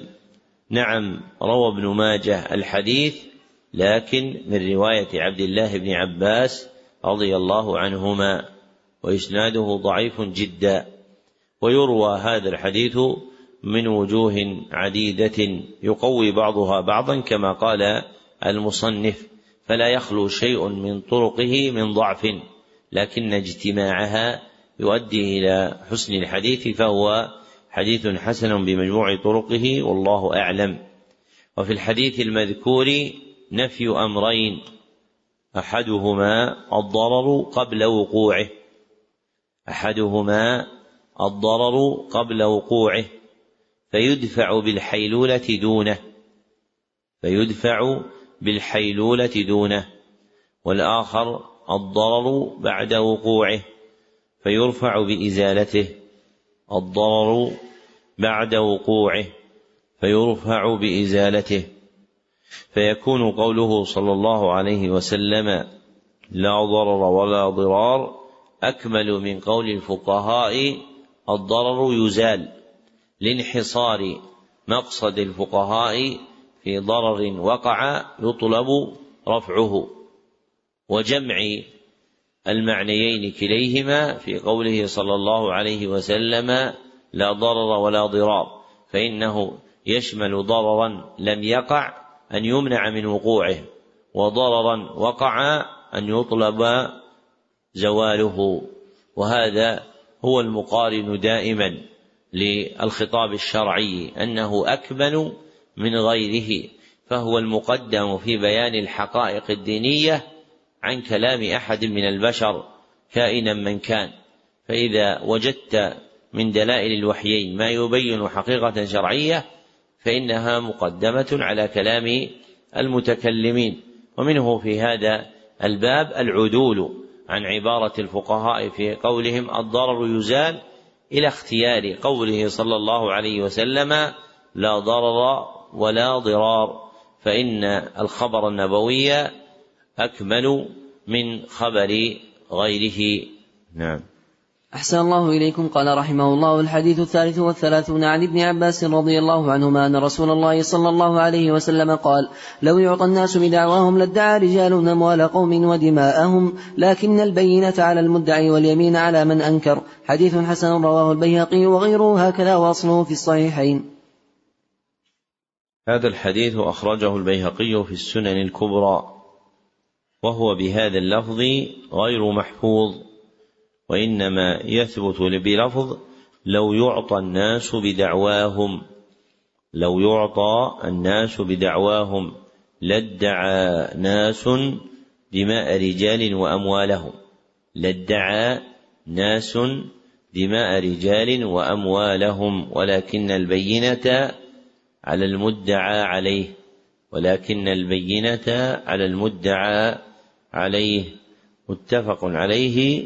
واللفظ لمسلم متفق عليه. واللفظ لمسلم ومن قواعد الرواية الجامعة أن ما خرج عن رواية الصحيحين مخالفا لفظهما فلا يكاد يثبت لأنهما انتقيا فيما رويا من الحديث ما ضبطه الثقات من ألفاظ الأحاديث النبوية فلا يكاد ما خرج عنهما أن يكون محفوظا. كهذا الحديث من رواية ابن عباس. فإن مدار هذا الحديث على رواية ابن جريج عن ابن أبي مليكة عن ابن عباس. لكن اختلف في لفظه فالمحفوظ هو لفظ الصحيحين. وأما لفظ البيهقي الذي اختاره المصنف فليس محفوظا. والدعوى اسم لما يضيفه المرء لنفسه مستحقا على غيره. اسم لما يضيفه المرء إلى نفسه مستحقا على غيره. كقوله لي على فلان ألف ريال. والبينة اسم لما يبين به الحق ويظهر. اسم لما يبين به الحق ويظهر. كالشاهد وغيره. والمدعي هو المبتدئ بالدعوى المطالب بها. هو المبتدئ بالدعوى المطالب بها. وضابطه عند الفقهاء من إذا سكت ترك. من إذا سكت ترك. لأنه صاحب المطالبة. فإذا انقطع عنها فإنه يترك. والمدعى عليه هو من وقعت عليه الدعوى هو من وقعت عليه الدعوى وضابطه عند الفقهاء أنه إذا سكت لم يترك أنه إذا سكت لم يترك لأنه المطالب بمضمن الدعوى. وقوله واليمين على من أنكر أي من أنكر دعوى المدعي فعليه اليمين. أي من أنكر دعوى المدعي فعليه اليمين وهي القسم. ومقتضى هذا الحديث أن البينة على المدعي وأن اليمين على المدعى عليه. ومقتضى هذا الحديث أن البينة على المدعي واليمين على المدعى عليه. وليس الأمر كذلك على كل حال. وليس الأمر كذلك على كل حال. بل الحديث لو صح فهو من العام المخصوص بل الحديث لو صح فهو من العام المخصوص. فالأصل المذكور ليس كليا بل ينظر في كل دعوى بحسب ما يحف بها من الأحوال والقرائن. فربما جعلت اليمين في جهة المدعي لا في جهة المدعى عليه كما يعلم هذا من كلام الفقهاء في باب الدعاوى والبينات من كتاب القضاء. نعم. أحسن الله إليكم. قال رحمه الله الحديث الرابع والثلاثون عن أبي سعيد الخدري رضي الله عنه أنه قال سمعت رسول الله صلى الله عليه وسلم يقول من رأى منكم منكرا فليغيره بيده فإن لم يستطع فبلسانه فإن لم يستطع فبقلبه وذلك أضعف الإيمان. رواه مسلم. هذا الحديث رواه مسلم كما ذكر المصنف. دون البخاري فهو من أفراده عليه. رواه من حديث قيس بن مسلم عن طارق بن شهاب عن أبي سعيد الخدري وفيه قصة وهو متضمن الأمر بتغيير المنكر. في قوله فليغيره والأمر يفيد الوجوب. والأمر يفيد الوجوب فإنكار المنكر بتغييره واجب. والمنكر اسم جامع كل ما أنكره الشرع. اسم جامع كل ما أنكره الشرع. بالنهي عنه على وجه التحريم. بالنهي عنه على وجه التحريم. فالمنكرات هي المحرمات. فالمنكرات هي المحرمات. وتغيير المنكر المأمور به له ثلاث مراتب وتغيير المنكر المأمور به له ثلاث مراتب. الأولى تغيير المنكر باليد. الأولى تغيير المنكر باليد. والثانية تغيير المنكر باللسان. والثالثة تغيير المنكر بالقلب. والمرتبتان الأوليان شرط لوجوبهما الاستطاعة. فتسقط بدونها. والمرتبتان الأوليان شرط لوجوبهما الاستطاعة فتسقط بدونها. فمن كان له استطاعة على تغيير المنكر باليد أنكر بيده أو له استطاعة على تغييره بلسانه أنكر بلسانه. وأما المرتبة الثالثة فهي واجبة لا تسقط بحال لثبوت القدرة عليها في حق كل أحد لثبوت القدرة عليها في حق كل أحد. ومن لم ينكر بقلبه فهو ناقص الإيمان. وكيفية تغيير المنكر بالقلب تكون بكراهة العبد المنكر ونفوره منه. تكون بكراهة العبد المنكر ونفوره منه.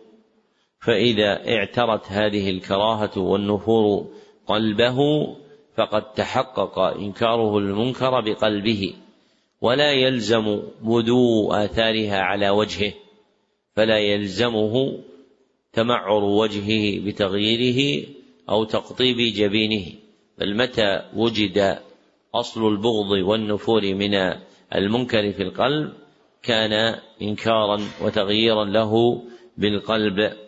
ووجوب تغيير المنكر على مراتبه الثلاثة مشروط برؤيته لقوله صلى الله عليه وسلم من رأى منكم منكرا ورأى في هذا الحديث هي رأى البصرية وليست رأى العلمية لأن رأى البصرية تنصب مفعولا واحدا وأما رأى العلمية فإنها تنصب مفعولين.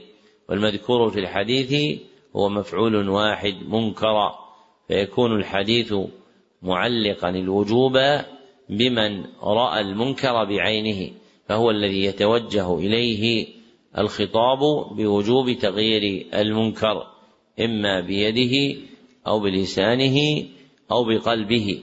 أما ما زاد عن ذلك من المنكرات فإن تعلق الوجوب بها يكون مناطا بولي الأمر أو من أنابه عنه مما يلي ممن يلي الحسبة.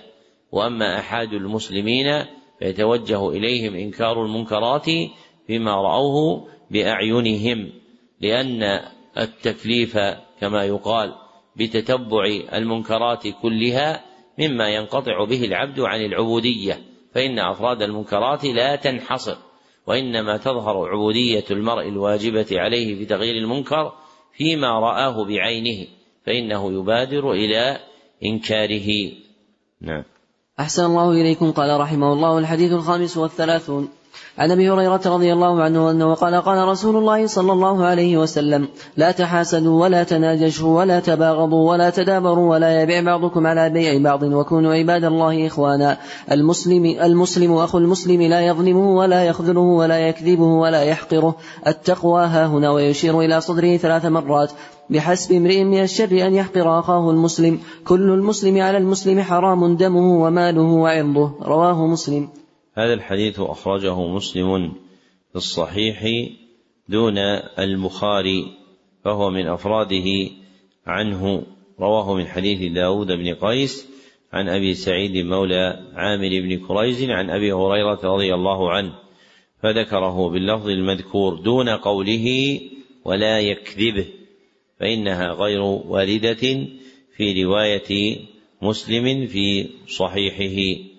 وقوله ولا تحاسدوا نهي عن التحاسد وحقيقة الحسد كراهية جريان كراهية العبد جريان النعمة على غيره.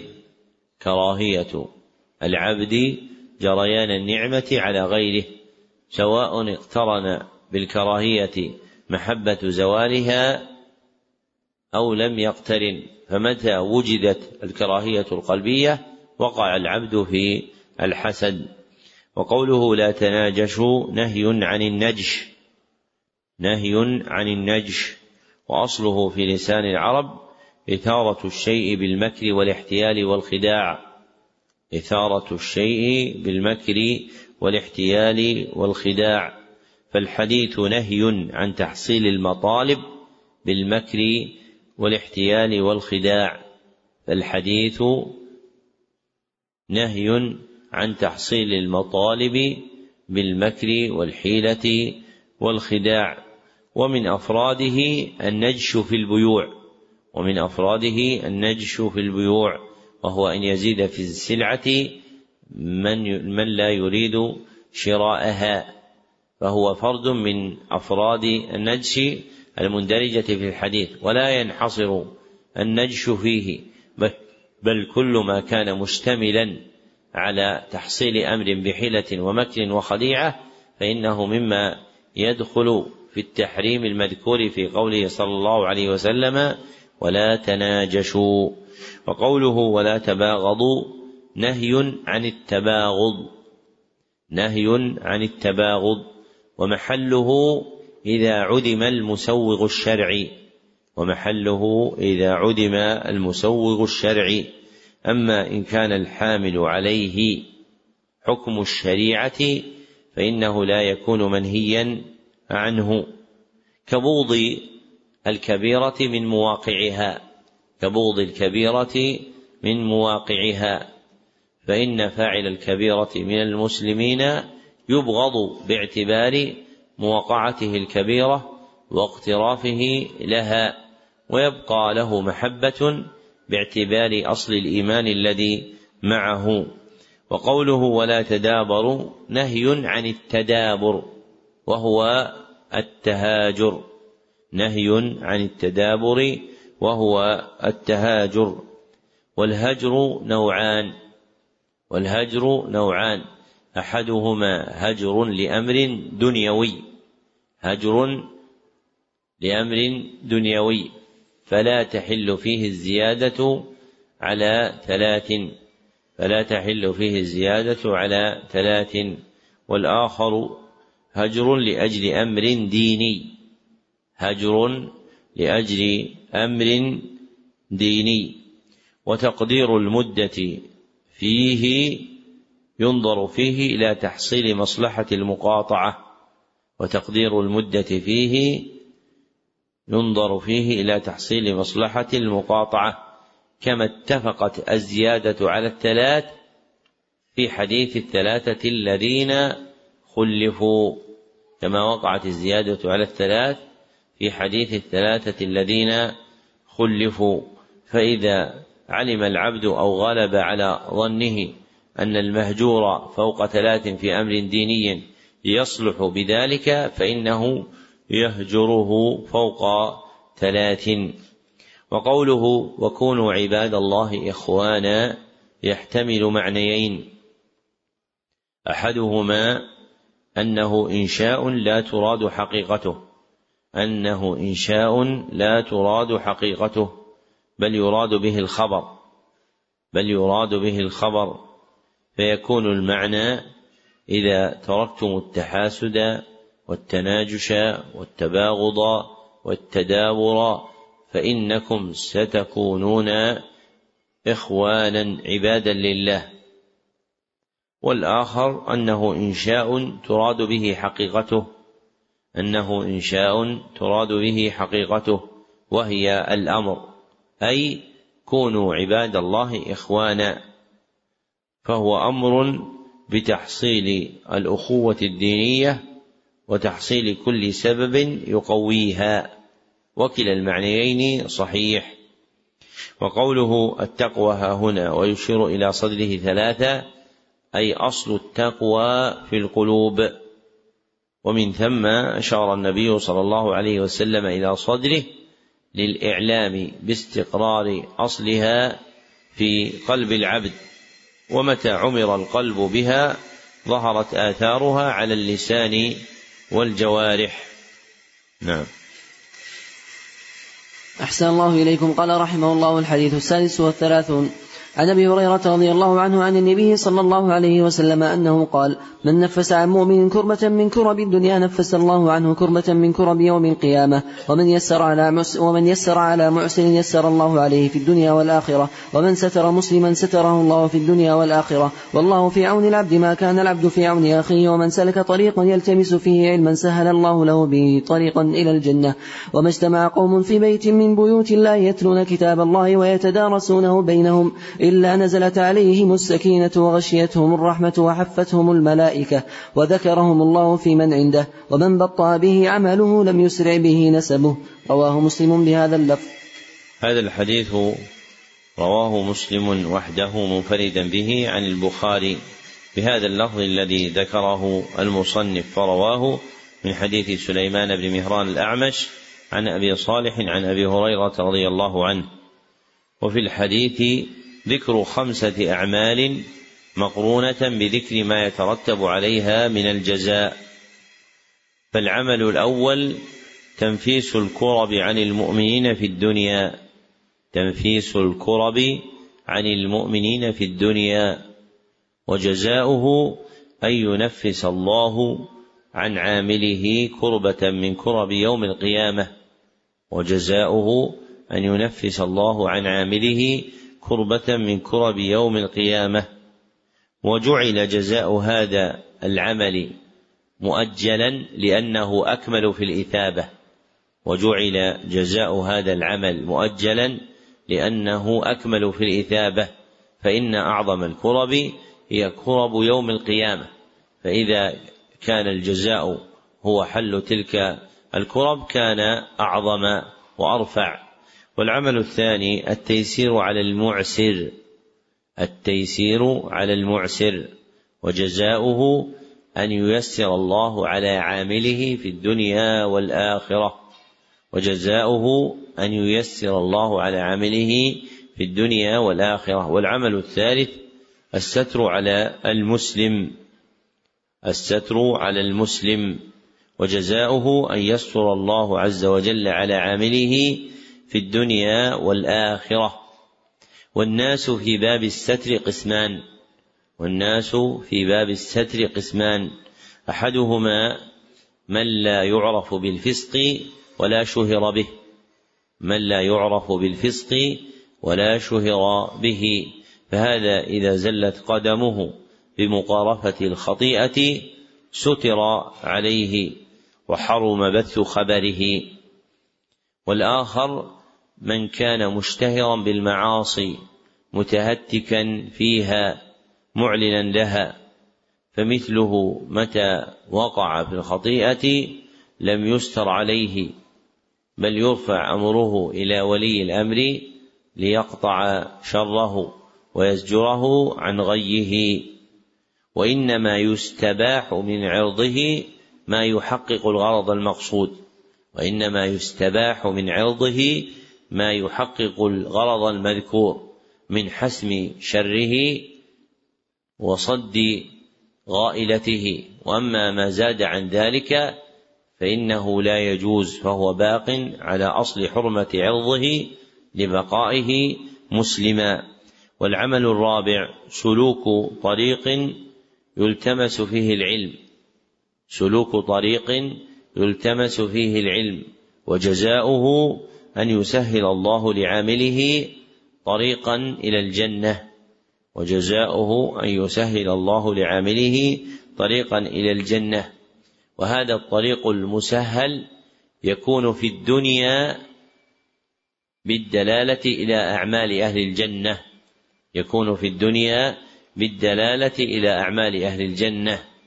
ويكون في الآخرة بالدلالة على الصراط الذي يعبر به الناس إلى الجنة ويكون في الاخره بالدلالة على الصراط الذي يعبر به إلى الجنة.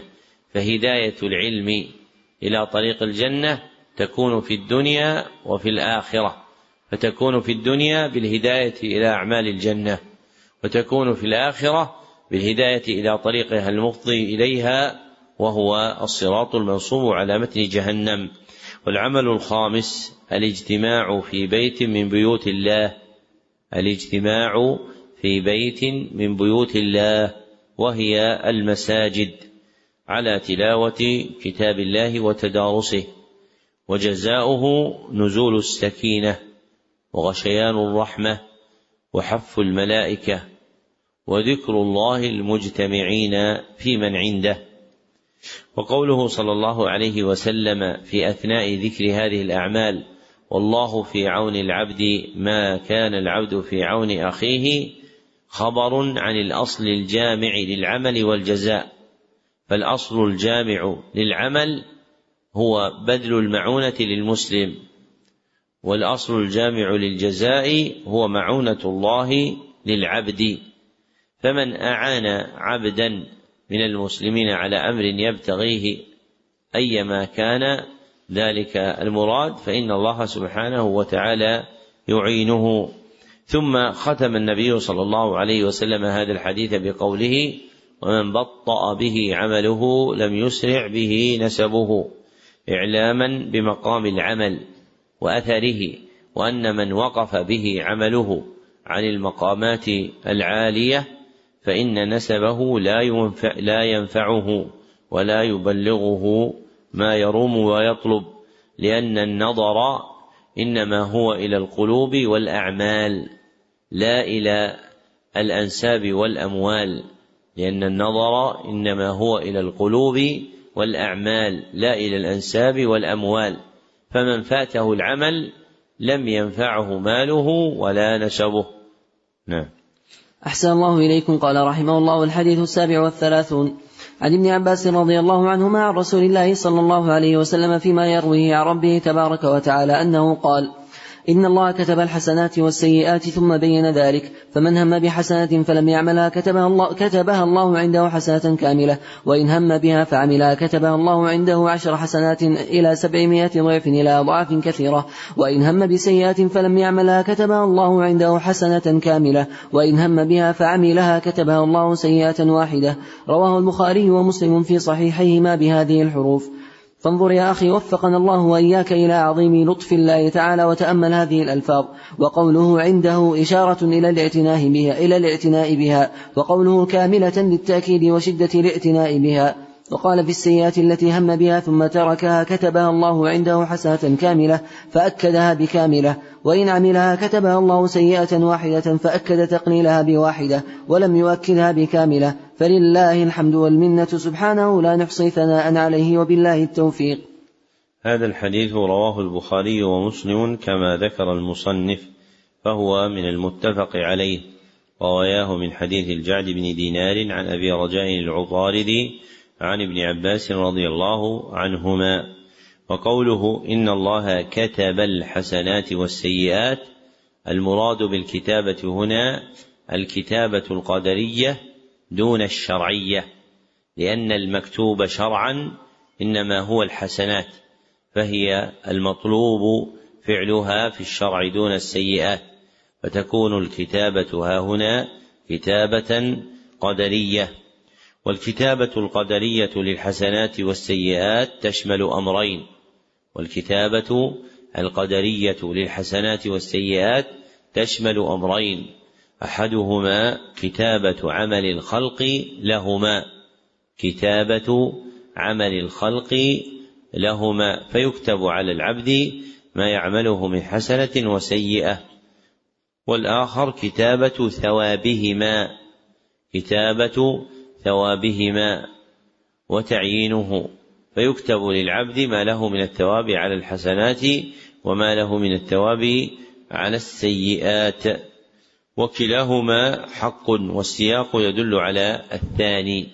وكلاهما حق والسياق يدل على الثاني فهو المراد في الحديث لقوله ثم بين ذلك فذكر الثواب على الحسنة والسيئة وعينه. والحسنة شرعا اسم لكل ما وعد عليه بالثواب الحسن. اسم لكل ما وعد عليه بالثواب الحسن. وهي كل ما أمر الشرع به. وهي كل ما أمر الشرع به. والسيئة شرعا اسم لكل ما توعد عليه بالثواب السيء. اسم لكل ما توعد عليه بالثواب السيء وهي كل ما نهى الشرع عنه نهي تحريم وهي كل ما نهى الشرع عنه نهي تحريم. فتندرج الفرائض والنوافل في اسم الحسنة. فتندرج الفرائض والنوافل في اسم الحسنة. وتختص السيئة بالمحرم دون سائر المنهيات. وتختص السيئة بالمحرم دون سائر المنهيات. والعبد بين الحسنة والسيئة لا يخلو من أربعة أحوال. والعبد بين الحسنة والسيئة لا يخلو من أربعة أحوال. أخبر عنها الله في هذا الحديث القدسي.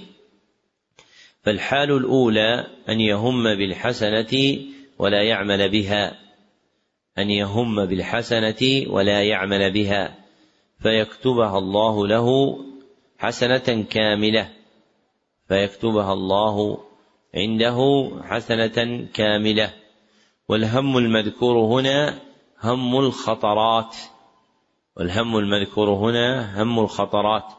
فإذا وجد في العبد مجرد خطرة إلى فعل الحسنة فإن الله عز وجل يتفضل عليه بكتابتها حسنة كاملة وإن لم يعملها وهذا من فضل الله عز وجل علينا. الحال الثانية أن يهم بالحسنة ثم يعمل بها. أن يهم بالحسنة ثم يعمل بها. فيكتبها الله عز وجل عنده عشر حسنات. فيكتبها الله عنده عشر حسنات. إلى سبعمائة ضعف إلى أضعاف كثيرة. والتضعيف موكول إلى حسن الإسلام وكمال الإخلاص. والتضعيف موكول إلى كمال الإسلام وحسن الإخلاص. فإذا قوي إخلاص العبد وحسن عمله زيد في التضعيف فوق الحسنات العشر. فمن الناس من يعمل عملا فيكون له فيه عشر حسنات. ومنهم من يزاد له التضعيف حتى يبلغ سبعمائة ضعف. ومنهم من يزيد له التضعيف إلى أضعاف كثيرة لا يعلم عددها إلا الله سبحانه وتعالى. والحال الثالثة أن يهم بالسيئة ويعمل بها. أن يهم بالسيئة ويعمل بها فتكتب سيئة مثلها فتكتب سيئة مثلها من غير مضاعفة.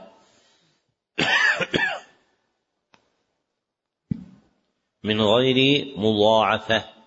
فالسيئة لا تضاعف باعتبار عددها وإنما يعرض له لها تضعيف باعتبار كيفيتها وإنما يعرض لها تضعيف باعتبار كيفيتها باعتبار النظر إلى شرف الزمان أو المكان أو الفاعل. فالسيئة في المكان الفاضل أو الزمان الفاضل أو من الفاعل الفاضل تكتب سيئة واحدة. لكنها أثقل في الميزان من السيئة نفسها في غير الزمن الفاضل أو المكان الفاضل أو من فاعل غير فاضل. فالنظرة الحرام في كل بلد سيئة لكن النظرة الحرام في البلد الحرام أثقل في الميزان تعظيما للبلد الحرام. فالسيئات تضاعف باعتبار الكيف فقط دون الكم. والحال الرابعة أن يهم بالسيئة ثم لا يعمل بها. أن يهم بالسيئة ثم لا يعمل بها. وترك العمل بالسيئة يكون لأحد أمرين. وترك العمل بالسيئة يكون لأحد أمرين. أولهما أن يكون الترك لسبب دعا إليه. أن يكون الترك لسبب دعا إليه. وثانيهما أن يكون الترك لغير سبب. وثانيهما أن يكون الترك لغير سبب. بل تفتر عزيمته من غير سبب منه. وترك السيئة لسبب دعا إليها ثلاثة أقسام. وترك السيئة لسبب دعا إليها ثلاثة أقسام. القسم الأول أن يكون السبب خشية الله أن يكون السبب خشية الله فتكتب له حسنة فتكتب له حسنة. والقسم الثاني أن يكون السبب مخافة المخلوقين أو مراءاتهم. أن يكون السبب مخافة المخلوقين أو مراءاتهم فتكتب عليه سيئة فتكتب عليه سيئة الرياء أو خوف الخلق. والقسم الثالث أن يكون السبب عدم القدرة على السيئة. أن يكون السبب عدم القدرة على السيئة مع الاشتغال بتحصيل أسبابها. مع الاشتغال بتحصيل أسبابها فهذا يعاقب كمن عمل فتكتب عليه سيئة فتكتب عليه سيئة. وأما ترك السيئة لغير سبب فهو قسمان وأما ترك السيئة لغير سبب فهو قسمان. القسم الأول أن يكون الهم بالسيئة هم خطرات. أن يكون الهم بالسيئة هم خطرات فلم يسكن قلبه إليها ولا انعقد عليها. ثم ينفر منها ويتباعد عنها ثم ينفر منها ويتباعد عنها فهذا تكتب له حسنة فهذا تكتب له حسنة جزاء عدم سكون قلبه إليها. جزاء عدم سكون قلبه إليها ونفرته منها. وهذا هو المقصود في الحديث.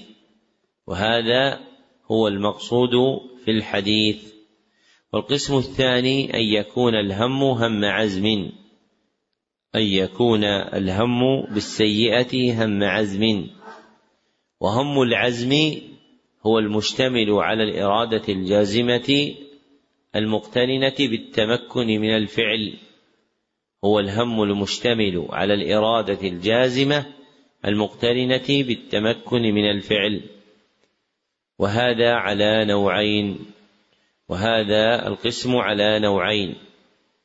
أحدهما ما كان من أعمال القلوب ما كان من أعمال القلوب كالشك في الوحدانية أو التكبر أو العجب فهذا يترتب عليه أثره ويؤاخذ العبد به فهذا يترتب عليه أثره ويؤاخذ العبد به فربما صار منافقا أو كافرا. والآخر ما كان من أعمال الجوارح ما كان من أعمال الجوارح فيصر القلب عليه هاما به هم عزم فيصر القلب عليه هاما به هم عزم طالبا له متلددا بحصوله لكن لا يظهر له أثر في الخارج. لكن لا يظهر له أثر في الخارج. فجمهور أهل العلم على المؤاخذة به أيضا. فجمهور أهل العلم على المؤاخذة به أيضا وهو اختيار جماعة من المحققين كالمصنف وأبي العباس ابن تيمية الحفيد رحمهم الله تعالى.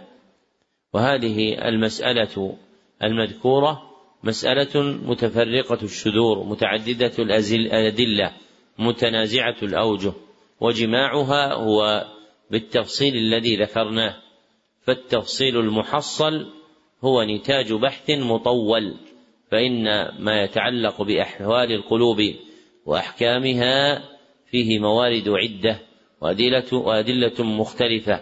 يحصل انتظامها بحمل كل دليل على وجهه فيما ذكر من الأقسام. نعم. أحسن الله إليكم.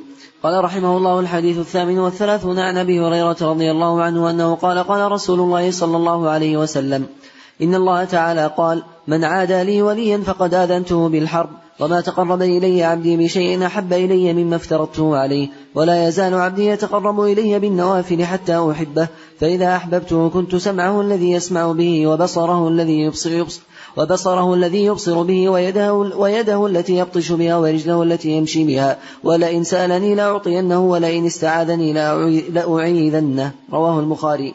هذا الحديث أخرجه البخاري في صحيحه دون مسلم فهو من زوائده عليه.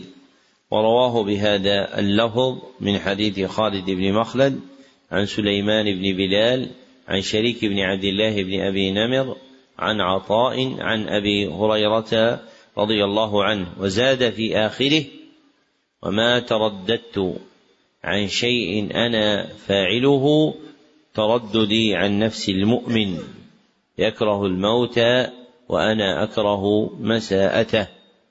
وفي الحديث بيان جزاء معاداة أولياء الله.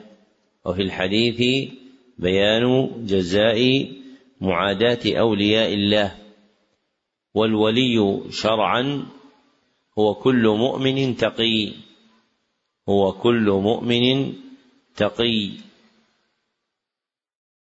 وخصه علماء الاصطلاح بغير الأنبياء فالولي اصطلاحا كل مؤمن تقي غير نبي كل مؤمن تقي غير نبي. وإنما ألجأهم إلى ذلك ابتغاء التفريق بين ما يتعلق بمقامات الأنبياء ومقامات الأولياء. فالحقيقة المتعلقة بالولي نوعان فالحقيقة المتعلقة بالولي نوعان. أحدهما الحقيقة الشرعية. أحدهما الحقيقة الشرعية وهي كل مؤمن تقي ويندرج فيه النبي. والآخر الحقيقة الاصطلاحية. الحقيقة الاصطلاحية وهي كل مؤمن تقي غير نبي. كل مؤمن تقي غير نبي فلا يندرج فيها النبي. ومن عاد ولي الله فقد آذنه الله عز وجل بحرب منه. ومعاداة الولي المؤذنة بحرب من الله نوعان. ومعاداة الولي المؤذنة بحرب من الله نوعان. أحدهما أن تكون المعاداة لأجل دينه. أن تكون المعاداة لأجل دينه.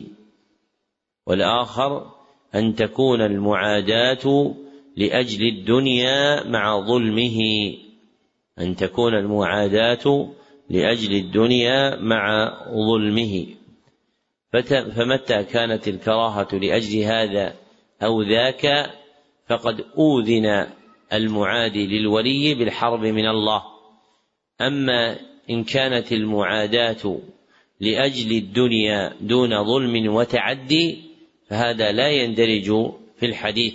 كمن نازع وليا وعاداه في أرض لتنازعهما في البينة المفضية إلى ثبوت ملك هذا أو ملك ذاك. فمتى كانت هذه المعاداة خالية من الظلم والتعدي؟ لم يكن مندرجا في المذكور في هذا الحديث النبوي. وقوله تعالى في الحديث فإذا أحببت كنت سمعه الذي يسمع به إلى آخره معناه أوفقه فيما يسمع ويبصر ويبطش ويمشي فلا يقع شيء من أعمال جوارحه إلا وفق ما يحبه الله عز وجل ويرضاه. نعم. أحسن الله إليكم. قال رحمه الله تعالى الحديث الثامن والثلاثون.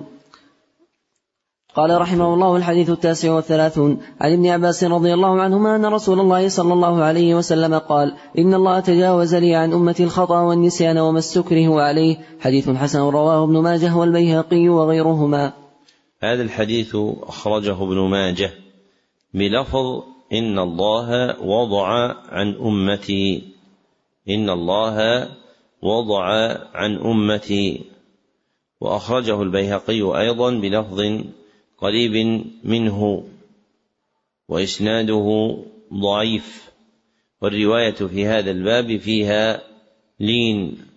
والعزو إلى ابن ماجه مغن عن ذكر البيهقي لأن من قواعد التخريج أن الحديث المروي في الأصول الستة اكتفى بعزوه إلى من رواه منها. فإذا وجد حديث عند البخاري أو مسلم أو أبي داود أو ابن ماجه أو النسائي أو الترمذي اكتفي بالعزو إلى من عزي إليه منهم ولم يحتج إلى الخروج عن هذه الأصول إلا لمعنى يقتضي ذلك كأن يكون عند من عزي إليه الحديث غيره زيادة في لفظه أو قوة في إسناده.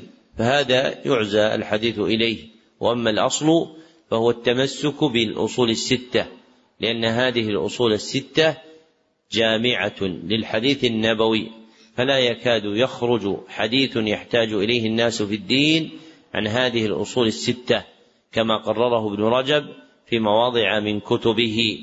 فكما ينبغي على الإنسان أن يقبل على القرآن في استنباط معاني كلام الله فإنه ينبغي أن يكون أعظم شغله بكتب الحديث هي هذه الدواوين الستة قراءة وتفهما واطلاعا على معانيها وتنزها في مغانيها. وفي الحديث المذكور بيان فضل الله عز وجل على هذه الأمة بوضع المؤاخذة عنها في ثلاثة أمور. الأول الخطأ. والمراد به هنا وقوع الشيء على وجه لم يقصده فاعله. وقوع الشيء على وجه لم يقصده فاعله. وثانيها النسيان. وهو ذهول القلب عن معلوم متقرر فيه. ذهول القلب عن معلوم متقرر فيه. وثالثها الإكراه. وهو إرغام العبد على ما لا يريد. إرغام العبد على ما يريد. ومعنى التجاوز والوضع هنا هو نفي وقوع الإثم مع وجودها. ومعنى التجاوز والوضع هنا هو نفي وقوع الإثم مع وجودها. فلا إثم على مخطئ ولا ناس ولا مكره. فمن رحمة الله عز وجل علينا ترك المؤاخذة بالتأثيم في من عرض له حال من هذه الأحوال. وكما سلف فإن ترك التأثيم لا يقتضي ترك الضمان. فمن أتلف شيئا لغيره ناسيا أو مكرها أو مخطئا فإنه يجب عليه الضمان وإنما يرفع عنه الإثم من الله عز وجل. وسبق بيان ذلك في شرح منظومة القواعد الفقهية. نعم. أحسن الله إليكم. قال رحمه الله الحديث الأربعون. عن ابن عمر رضي الله عنهما أنه قال أخذ رسول الله صلى الله عليه وسلم بمنكبي فقال كن في الدنيا كأنك غريب أو عابر سبيل. وكان ابن عمر رضي الله عنهما يقول إذا أمسيت فلا تنتظر الصباح وإذا أصبحت فلا تنتظر المساء. وخذ من صحتك لمرضك ومن حياتك لموتك. رواه البخاري. هذا الحديث رواه البخاري وحده دون مسلم وهو من زوائده عليه فرواه من حديث سليمان بن مهران الأعمش عن مجاهد بن جبر عن عبد الله بن عمر رضي الله عنهما. وفي الحديث إرشاد النبي صلى الله عليه وسلم إلى الحال التي يكون بها صلاح العبد في الدنيا. وصلاح العبد في الدنيا هو أن ينزل نفسه إحدى المنزلتين الآتيتين. هو أن ينزل نفسه إحدى المنزلتين الآتيتين. فالمنزلة الأولى منزلة الغريب.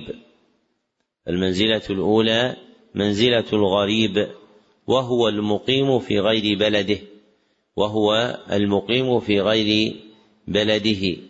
فقلب الغريب متعلق بالرجوع إلى بلده. واشتغاله بالدنيا حال إقامته في غيره قليل وركونه إلى أهل البلد الذي هو حال فيه ضعيف. والمرتبة والمنزلة الثانية منزلة عابر السبيل منزلة عابر السبيل وهو المسافر الذي يمر ببلد حال سفره وهو المسافر الذي يمر ببلد حال سفره. ثم يخرج منها وهو أقل تعلقا بها من الغريب وهو أقل تعلقا بها من الغريب لأن مكثه قليل وليست له رغبة في الإقامة وإنما هو مجتاز بالبلد فمن رام أن يصلح نفسه ويحملها على ما فيه كمالها لزمه أن ينزل نفسه إحدى المنزلتين.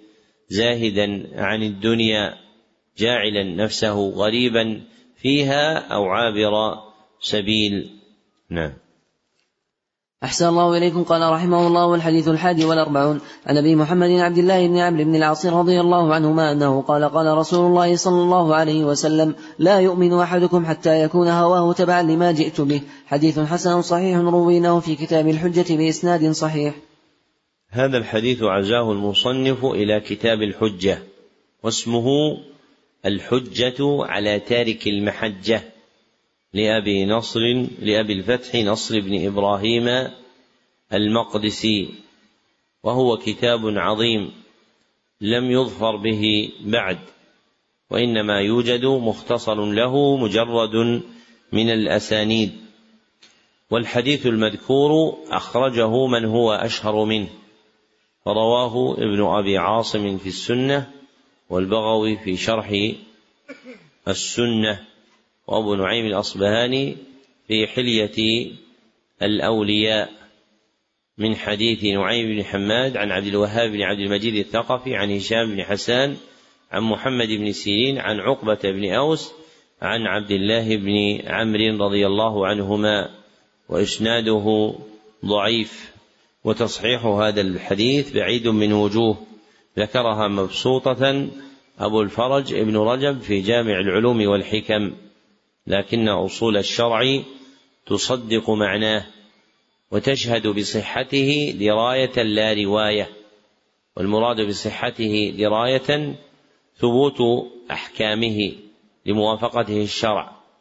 وأما نفي صحته رواية فالمراد به عدم تصحيح نسبته إلى النبي صلى الله عليه وسلم أنه قاله بهذا اللفظ والهوى الميل المجرد والهوى الميل المجرد ويغلب إطلاقه على الميل إلى خلاف الحق ويغلب إطلاقه على الميل إلى خلاف الحق. ويكاد يكون ذلك هو مراد الشارع. ويكاد يكون ذلك هو مراد الشرع. فللهوى معنيان. فللهوى معنيان. أحدهما الميل المجرد. الميل المجرد. دون ملاحظة اتجاه الميل. دون ملاحظة اتجاه الميل. والآخر الميل إلى خلاف الحق. الميل إلى خلاف الحق وهو المراد غالبا في خبر الشرع وهو المراد غالبا في خبر الشرع. قال ابن عباس رضي الله عنهما كل هوى ضلالة. رواه اللالكائي وغيره وإسناده صحيح. والحديث المذكور هنا يرجع إلى الأول دون الثاني. والمراد به الميل المجرد.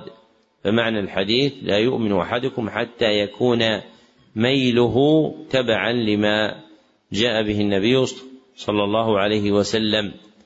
والإيمان المنفي في هذا الحديث يحتمل معنيين. والإيمان المنفي في هذا الحديث يحتمل معنيين. أحدهما أن يكون المراد به أصل الإيمان. أن يكون المراد به أصل الإيمان وذلك إذا كان المراد بقوله ما جئت به ما لا يصح إسلام العبد إلا به. وذلك إذا كان المراد بقوله ما جئت به ما لا يصح إسلام العبد إلا به. والآخر أن يكون المراد به كمال الإيمان أن يكون المراد به كمال الإيمان وذلك إذا كان المراد بقوله ما جئت به ما يصح إسلام العبد دونه. وذلك إذا كان المراد بقوله ما جئت به ما يصح إسلام العبد بدونه. نعم. أحسن الله إليكم. قال رحمه الله الحديث الثاني والأربعون عن أنس رضي الله عنه أنه قال سمعت رسول الله صلى الله عليه وسلم يقول قال الله تعالى يا ابن آدم إنك ما دعوتني ورجوتني غفرت لك على ما كان منك ولا أبالي. يا ابن آدم لو بلغت ذنوبك عنان السماء ثم استغفرتني غفرت لك. يا ابن آدم إنك لو أتيتني بقراب الأرض خطايا ثم لقيتني لا تشرك بي شيئا لأتيتك بقرابها مغفرة. رواه الترمذي وقال حديث حسن صحيح. هذا الحديث أخرجه الترمذي في الجامع ولفظه في النسخ التي بأيدينا على ما كان فيك ورواه من حديث كثير بن فائد عن سعيد بن عبيد عن بكر بن عبد الله عن أنس عن أنس بن مالك وفي إسناده كلام لكن يروى من طرق يقوي بعضها بعضا ويحصل بها للحديث التحسين. والحديث المذكور مشتمل على ذكر ثلاثة من أسباب المغفرة. أولها الدعاء المقترن بالرجاء. الدعاء المقترن بالرجاء. وقرن الدعاء بالرجاء لإفادة أن الداعي حاضر القلب. لإفادة أن الداعي حاضر القلب مقبل على الله فهو يدعوه ويرجوه. وثانيها الاستغفار وثانيها الاستغفار أي طلب المغفرة. وثالثها توحيد الله وثالثها توحيد الله. أين في الحديث توحيد الله؟ إيش؟ لا تشرك بي شيئا. هذا مو بالتوحيد هذا نفي الشرك. نعم. عبر بنفي الشرك ليعلم أن المراد من التوحيد هو محوه. عبر عن التوحيد بنفي الشرك ليعلم أن المراد من التوحيد هو محو الشرك. فالسبب الثالث من أسباب المغفرة هو التوحيد وأشير إليه بعدم الشرك لأن غاية التوحيد هو إبطال الشرك. وإنما أخر ذكره مع جلالة قدره لعظم أثره. فأعظم هذه الأسباب في محو السيئات هو توحيد الله سبحانه وتعالى.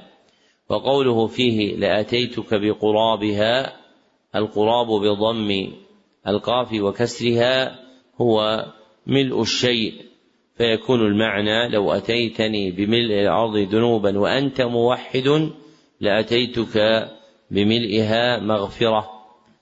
والعنان بفتح العين هو السحاب. والعنان بفتح العين هو السحاب. نعم. أحسن الله إليكم. قال رحمه الله خاتمة الكتاب. فهذا آخر ما قصدته من بيان الأحاديث التي جمعت قواعد الإسلام وتضمنت ما لا يحصى من أنواع العلوم في الأصول والفروع والآداب وسائر وجوه الأحكام.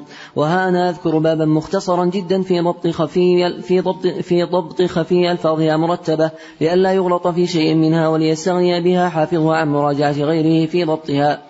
ثم أشرع في شرحها إن شاء الله تعالى في كتاب مستقل وأرجو من فضل الله تعالى أن يوفقني فيه لبيان مهمات من اللطائف وجمل من الفوائد والمعارف. لا يستغني مسلم عن معرفة مثلها ويظهر لمطالعها جزالة هذه الأحاديث وعظم فضلها. وما اشتملت عليه من النفائس التي ذكرتها والمهمات التي وصفتها ويعلم بها ويعلم بها الحكمة في اختيار هذه الأحاديث الأربعين وأنها حقيقة بذلك عند الناظرين.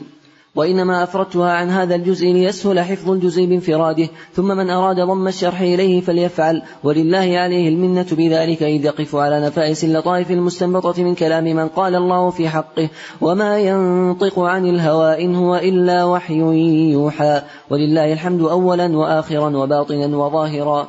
لما فرغ المصنف رحمه الله من سرد الأحاديث الجامعة قواعد الإسلام أشار إلى انتهاء مقصوده تنبيها إلى انتهاء عدها إلى ما ذكروا أنه أورد اثنان وأنه أورد اثنين وأربعين حديثا من الأحاديث الجامعة.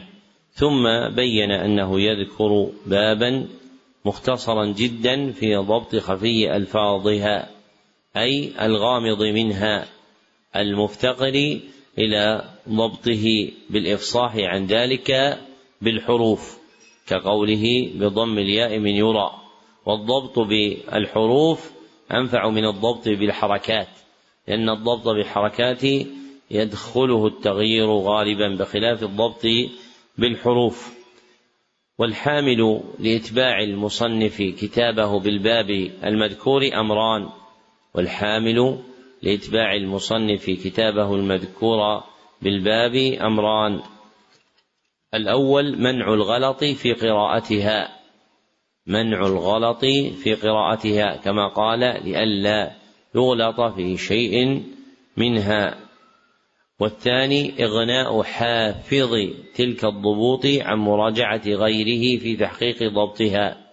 إغناء حافظ تلك الضبوط عن مراجعة غيره في تحقيق ضبطها كما قال وليستغني بها وليستغني بها حافظها عن مراجعة غيره في ضبطها. ثم وعد المصنف رحمه الله تعالى أنه يشرح الأحاديث التي انتخبها في كتاب مستقل أي غير هذا الكتاب فهو ألحق بالأربعين بابا رام به بيان جمل من نبذ القول فيما يتعلق بالأحاديث المذكورة. ووعد أن يضع كتابا مستقلا في شرح الأربعين. فهل وفى أم لم يفي؟ وهل وضع أم لم يضع؟ وضع ولا ما وضع؟ آه محمد.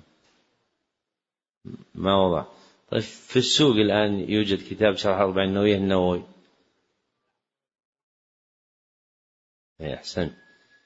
مات المصنف رحمه الله تعالى ولم يضع شرحا على الأربعين النووية. ذكره تلميذه الخصيص به أبو الحسن ابن العطار. فإنه ذكر أن الموجب له شرح الأربعين لأنه شرحها أن المصنف مات ولم يشرحها. فالمطبوع منسوبا إليه لا تصح نسبته إليه. وكذا المطبوع منسوبا إلى ابن دقيق العيد. في شرح الأربعين لا تصح نسبته إلى ابن دقيق العيد فإنه ينقل عن أناس ما خلقوا إلا بعد ابن دقيق العيد. وأقدم شروح الأربعين هو شروح تلاميذ المصنف نفسه كابن العطار والإشبيلي وكلاهما شرحه مطبوع. نعم. أحسن الله إليكم. قال رحمه الله باب الإشارات إلى ضبط الألفاظ المشكلات. هذا الباب وإن ترجمته بالمشكلات فقد أنبه فيه على ألفاظ من الواضحات.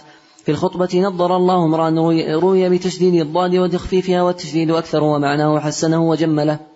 الحديث الأول أمير المؤمنين عمر بن الخطاب رضي الله عنه هو أول من سمي أمير المؤمنين. قوله صلى الله عليه وسلم إنما الأعمال بالنيات. المراد لا تحسب الأعمال المراد لا تحسب الأعمال الشرعية إلا بالنية. قوله صلى الله عليه وسلم فهجرته إلى الله ورسوله معناه مقبولة. قول المصنف رحمه الله معناه مقبولة. المعهود في خطاب الشرع متقبلة فإن التقبل فوق القبول فالتقبل يتضمن إجزاء العمل مع محبة الله للعامل ورضاه عنه. وأما القبول فإنه يختص بالإجزاء فقط وحصول الثواب فالتقبل مرتبة فوق القبول وهي التي كان يدعو بها الأنبياء.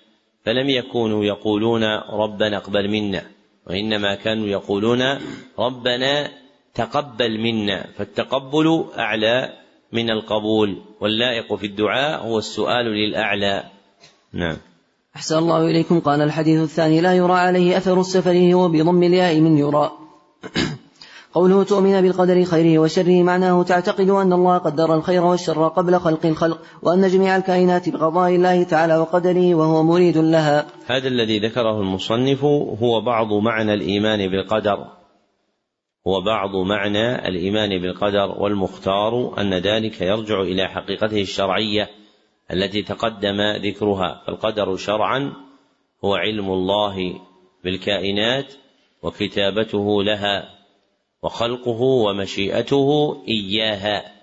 فيكون الإيمان بالقدر هو الإيمان بجماع ما انتظم في هذا الحد. نعم. أحسن الله إليكم. قال قوله فأخبرني عن أمارتها هو بفتح الهمزة أي علامتها. ويقال أمار بلا هاء لغتان لكن الرواية بالهاء. قوله لكن الرواية بالهاء انباه إلى أنه وإن صح الوجهان لغة لكن الرواية جاءت بواحد منهما. ولو عمد إلى جمع ما نص عليه بالرواية لكان ذلك نافعا. لأن أكثر الأحاديث النبوية لا يمكن ضبطها إلا بالرجوع إلى ما في كتب العربية أو الشروح ولكن يحتاج إلى جمع ما نص فيه على الرواية أن الرواية هكذا لتتميز الألفاظ النبوية وهو أمر ينبغي رعايته. نعم. أحسن الله إليكم. قال قوله تلد الأمة ربتها أي سيدتها ومعناه أن تكثر السراري وحتى تلد الأمة حتى تلد الأمة السرية بنتا لسيدها. وبنت السيد في معنى السيد وقيل يكثر بيع السراري حتى تشتري المرأة أمها وتستعبدها جاهلة بأنها أمها. وقيل غير ذلك وقد أوضحته في شرح صحيح مسلم بدلائله وجميع طرقه. قوله العالة أي الفقراء ومعناه أن أسافل الناس يصيرون أهل ثروة ظاهرة. قوله لبثت مليا هو بتشديد الياء أي زمانا كثيرا وكان ذلك ثلاثا هكذا جاء مبينا في رواية أبي داود في رواية أبي داود والترمذي وغيرهما. قوله رحمه الله هكذا جاء مبينا في رواية أبي داود والترمذي وغيرهما تقدم أن تقدير المدة بثلاث وقع عند أصحاب السنن جميعا وإسناده صحيح وروايتهم مطلقة غير مقيدة بأيام أو ليال. ووقع التقييد بكل في خارج السنن الأربع فروي مقيدا بالليالي ورد مقيدا بالأيام والمحفوظ هو الإطلاق دون التقييد وهو محتمل للوجهين معا. نعم. أحسن الله إليكم. قال قوله قال الحديث الخامس قوله من أحدث في أمرنا هذا ما ليس منه فهو رد أي مردود كالخلق بمعنى المخلوق. قال الحديث السادس قوله فقد استبرى لدينه وعرضه أي صان دينه وحمى عرضه من وقوع الناس فيه. قوله يوشك هو بضم الياء وكسر الشين أي يسرع أي يسرع ويقرب. قوله حمى الله محارمه معناه الذي حماه الله تعالى ومنع دخوله هو الأشياء التي حرمها. الحديث السابع قوله عن أبي رقية بضم الراء وفتح القاف وتشديد الياء. قوله الداري منسوب إلى جد له اسمه الدار. منسوب إلى جد له اسمه الدار وقيل, وقيل إلى موضع يقال له دارين ويقال فيه أيضا الديري نسبة إلى دير كان نسبة, نسبة إلى دير كان يتعبد فيه وقد بسطت القول في إيضاحه في أوائل شرح صحيح مسلم. قوله رحمه الله وقيل إلى موضع يقال له دارين ذكر ابن طاهر في الأنساب المتفقة عن أبي المظفر الأبي ورد النسابة أن نسبته إلى دارين وهم فاحش فلا تصح نسبته إليها. وقوله ويقال له الدير نسبة إلى دير كان يتعبد فيه لا بد من تقييد ذلك بحاله قبل الإسلام فإنه إنما كان يتعبد فيه قبل الإسلام. وقيد المصنف هذا الخبر بذلك في شرح مسلم وفي تهذيب الأسماء واللغات. فلا ينبغي إطلاقه لئلا يتوهم أن التخلي في الخلوات والفلوات من دين الإسلام وإنما كان هذا واقعا من تميم قبل إسلامه فإنه كان رجلا نصرانيا. نعم. أحسن الله إليكم. قال الحديث التاسع قوله واختلاف هو بضم الفاء لا بكسرها. الحديث العاشر قوله غذي بالحرام هو بضم الغين وكسر الذال المعجمة المخففة. الحديث قوله وغذي بالحرام بضم الغين وكسر الذال المعجمة المخففة. وذكر التشديد أيضا ذكره الجرداني الدمياطي في شرح الأربعين نقلا عن المصابيح أنه جاء بالتشديد أيضا غذي والمشهور هو التخفيف غذي. نعم. أحسن الله إليكم. قال الحديث الحادي عشر قوله دع ما يريبك إلى ما لا يريبك بفتح الياء وضمها لغتان والفتح أفصح وأشهر ومعناه ترك ما شككت فيه وعدل إلى ما لا تشك فيه. ما ذكره رحمه الله من تفسير الريب بالشك فيه نظر والصحيح أن الريب هو قلق النفس واضطرابها فليس شكا فقط بل هو شك وزيادة. وتفسير الريب بالشك تفسير له ببعض الأفراد الموجودة فيه والريب يشتمل على الشك وزيادة فوقه. توجب حالا هي قلق النفس واضطرابها وهو الذي اختاره المحققون كابي العباس بن تيمية وتلميذه ابن القيم وحفيده بالتلمذة بالفرج ابن رجب. نعم. أحسن الله إليكم. قال الحديث الثاني عشر قوله يعنيه بفتح أوله. الحديث الرابع عشر قوله الثيب قوله الثيب الزاني معناه المحصن معناه المحصن إذا زنى وللإحصان شروط معروفة في كتب الفقه. الحديث الخامس عشر قوله أو ليصمت بضم الميم. الحديث السابع عشر القتلة والذبحة بكسر أولهما قوله رحمه الله أو ليصمت بضم الميم وسمع كسرها أيضا وليصمت وهو القياس نعم أحسن الله إليكم. قال الحديث السابع عشر القتلة والذبحة بكسر أولهما. قوله وليحد, وليحد هو بضم الياء وكسر الحاء وتشديد الدال. يقال أحد السكين وحدها واستحدها بمعنى. الحديث الحديث الثامن عشر جندب جندب بضم الجيم وبضم الدال وفتحها وجنادة بضم الجيم. الحديث التاسع عشر تجاهك بضم التاء وفتح الهاء أي أمامك كما في الرواية الأخرى.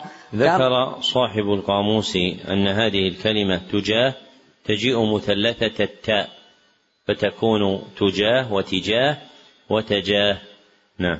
أحسن الله إليكم. قال تعرف إلى الله في الرخاء أي تحبب إليه بلزوم طاعته واجتناب مخالفته. الحديث العشرون قوله إذا لم تستحي فاصنع ما شئت معناه. إذا أردت فعل شيء فإن كان مما لا تستحي من الله ومن الناس في فعله فافعله وإلا فلا. وعلى هذا مدار الإسلام. تقدم أن الحديث يجوز أن يكون خبرا ويجوز أن يكون إنشاء مفيدا للأمر فما ذكره المصنف بعض معناه. نعم. أحسن الله إليكم. قال الحديث الحادي والعشرون قل آمنت بالله ثم استقم أي استقم كما أمرت ممتثلا أمر الله تعالى مجتنبا نهيه. الحديث الثالث والعشرون قوله صلى الله عليه وسلم الطهور شطر الإيمان. المراد بالطهور الوضوء قيل معناه ينتهي تضعيف ثوابه إلى نصف أجر الإيمان وقيل الإيمان يجب ما قبله من الخطايا وكذلك الوضوء. ولكن الوضوء ولكن الوضوء تتوقف صحته على الإيمان فصار نصفا. وقيل المراد بالإيمان الصلاة والطهور شرط لصحتها فصار كالشطر وقيل غير ذلك. قوله صلى الله عليه وسلم والحمد لله تملأ الميزان أي ثوابها. وسبحان الله والحمد لله تملأان. أي لو قدر ثوابهما جسما لملا ما بين السماء و... لملا ما بين السماء والأرض وسببه ما اشتملتا عليه من التنزيه والتفويض إلى إلى الله تعالى. والصلاة نور أي تمنع من المعاصي وتنهى عن الفحشاء وتهدي إلى الصواب. وقيل يكون ثوابها نورا لصاحبها يوم القيامة وقيل لأنها سبب لاستنارة القلب. والصدقة برهان أي حجة لصاحبها في أداء حق المال وقيل حجة في إيمان صاحبها لأن المنافق لا يفعلها غالبا. والصبر ضياء أي الصبر المحبوب أي الصبر المحبوب وهو الصبر على طاعة الله تعالى والبلاء ومكاره الدنيا وعن المعاصي ومعناه لا يزال صاحبه مستضيا مستمرا على الصواب. كل الناس يغدو فبائع نفسه معناه كل إنسان يسعى بنفسه فمنهم من يبيعها لله تعالى بطاعته فيعتقها من العذاب ومنهم من يبيعها للشيطان والهوى باتباعهما فيوبقها أي يهلكها. وقد بسطت شرح هذا الحديث في أول شرح صحيح مسلم فمن أراد زيادة فليراجعه وبالله التوفيق.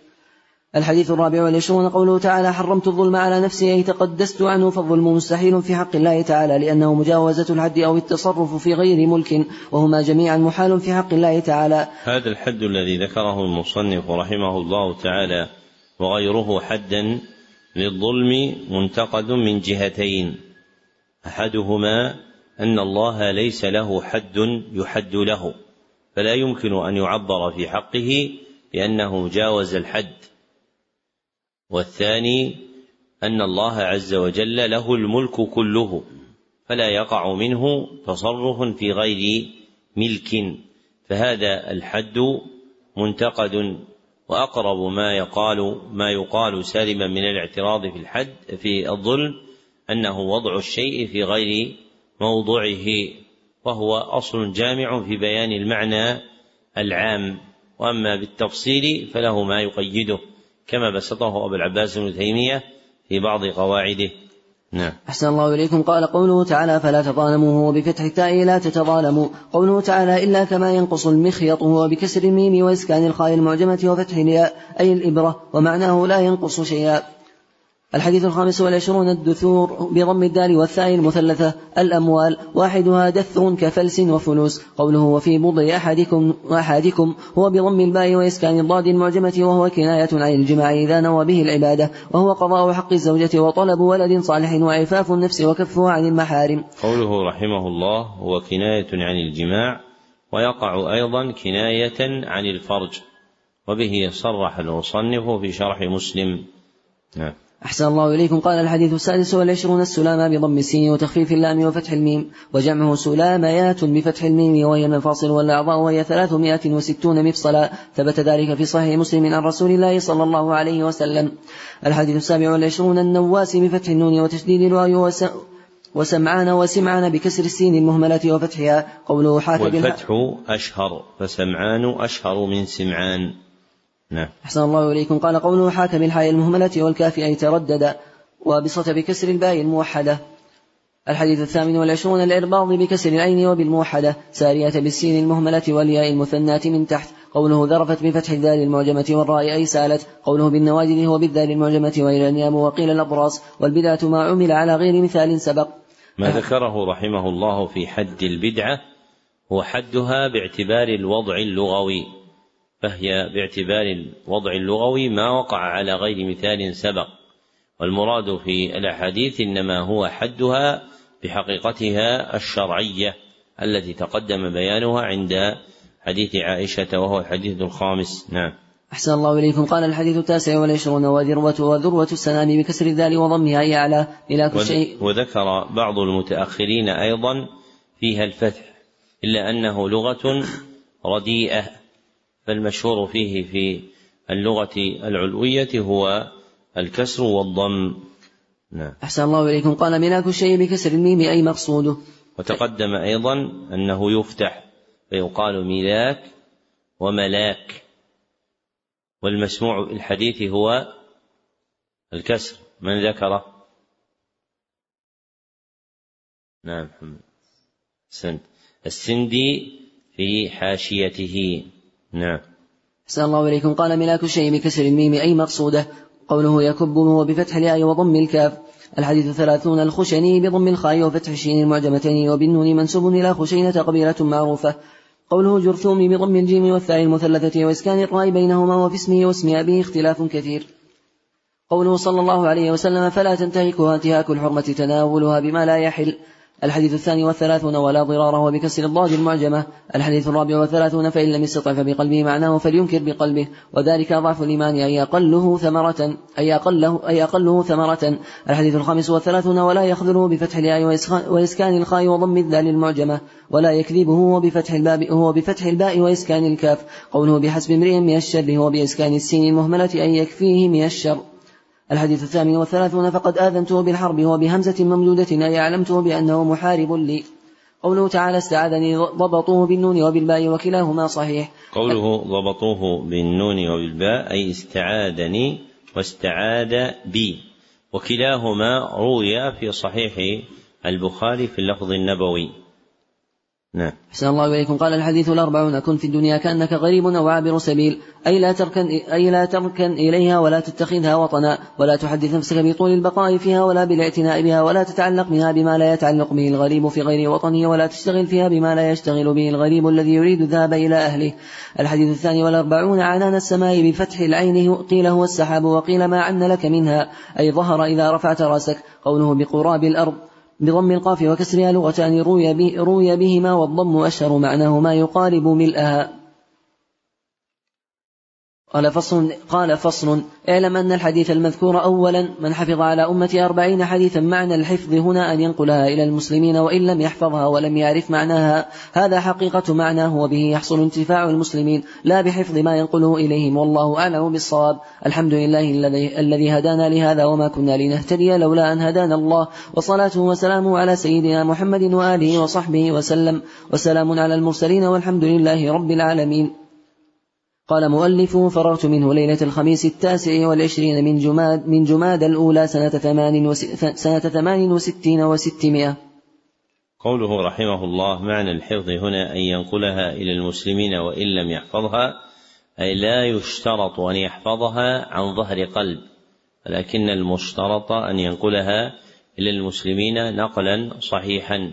فإذا نقلها نقلا صحيحا بقلمه كان كافيا ذلك في كونه حافظا لها وذلك في بيان معنى حديث من حفظ أربعين حديثا وتقدم بيان ضعفه. وبه يتم شرح هذا الكتاب شرحا يبين مقاصده الكلية ومعانيه الإجمالية. اكتبوا طبقة السماع. سمع علي جميع الأربعين النووية بقراءة غيره والقارئ يكتب بقراءته. صاحبنا فلان بن فلان بن فلان فتم له ذلك في مجلسين بالميعاد المثبت في محله من نسخته وأجزت له روايته عني إجازة من معين لمعين في معين بإسناد المذكور في منح المكرمات بإجازة طلاب المهمات والحمد لله رب العالمين صحيح ذلك. وكتبه صالح بن عبد الله بن حمد العصيمي يوم السبت السابع من شهر ربيع الأول سنة أربع وثلاثين بعد الأربعمائة والألف في المسجد النبوي بمدينة الرسول صلى الله عليه وسلم. نشرع بعد العصر إن شاء الله تعالى في شرح الكتاب السابع وهو كتاب التوحيد. وفق الله الجميع لما يحب ويرضى. الحمد لله رب العالمين. صلى الله وسلم على عبد رسوله محمد وآله وصحبه أجمعين.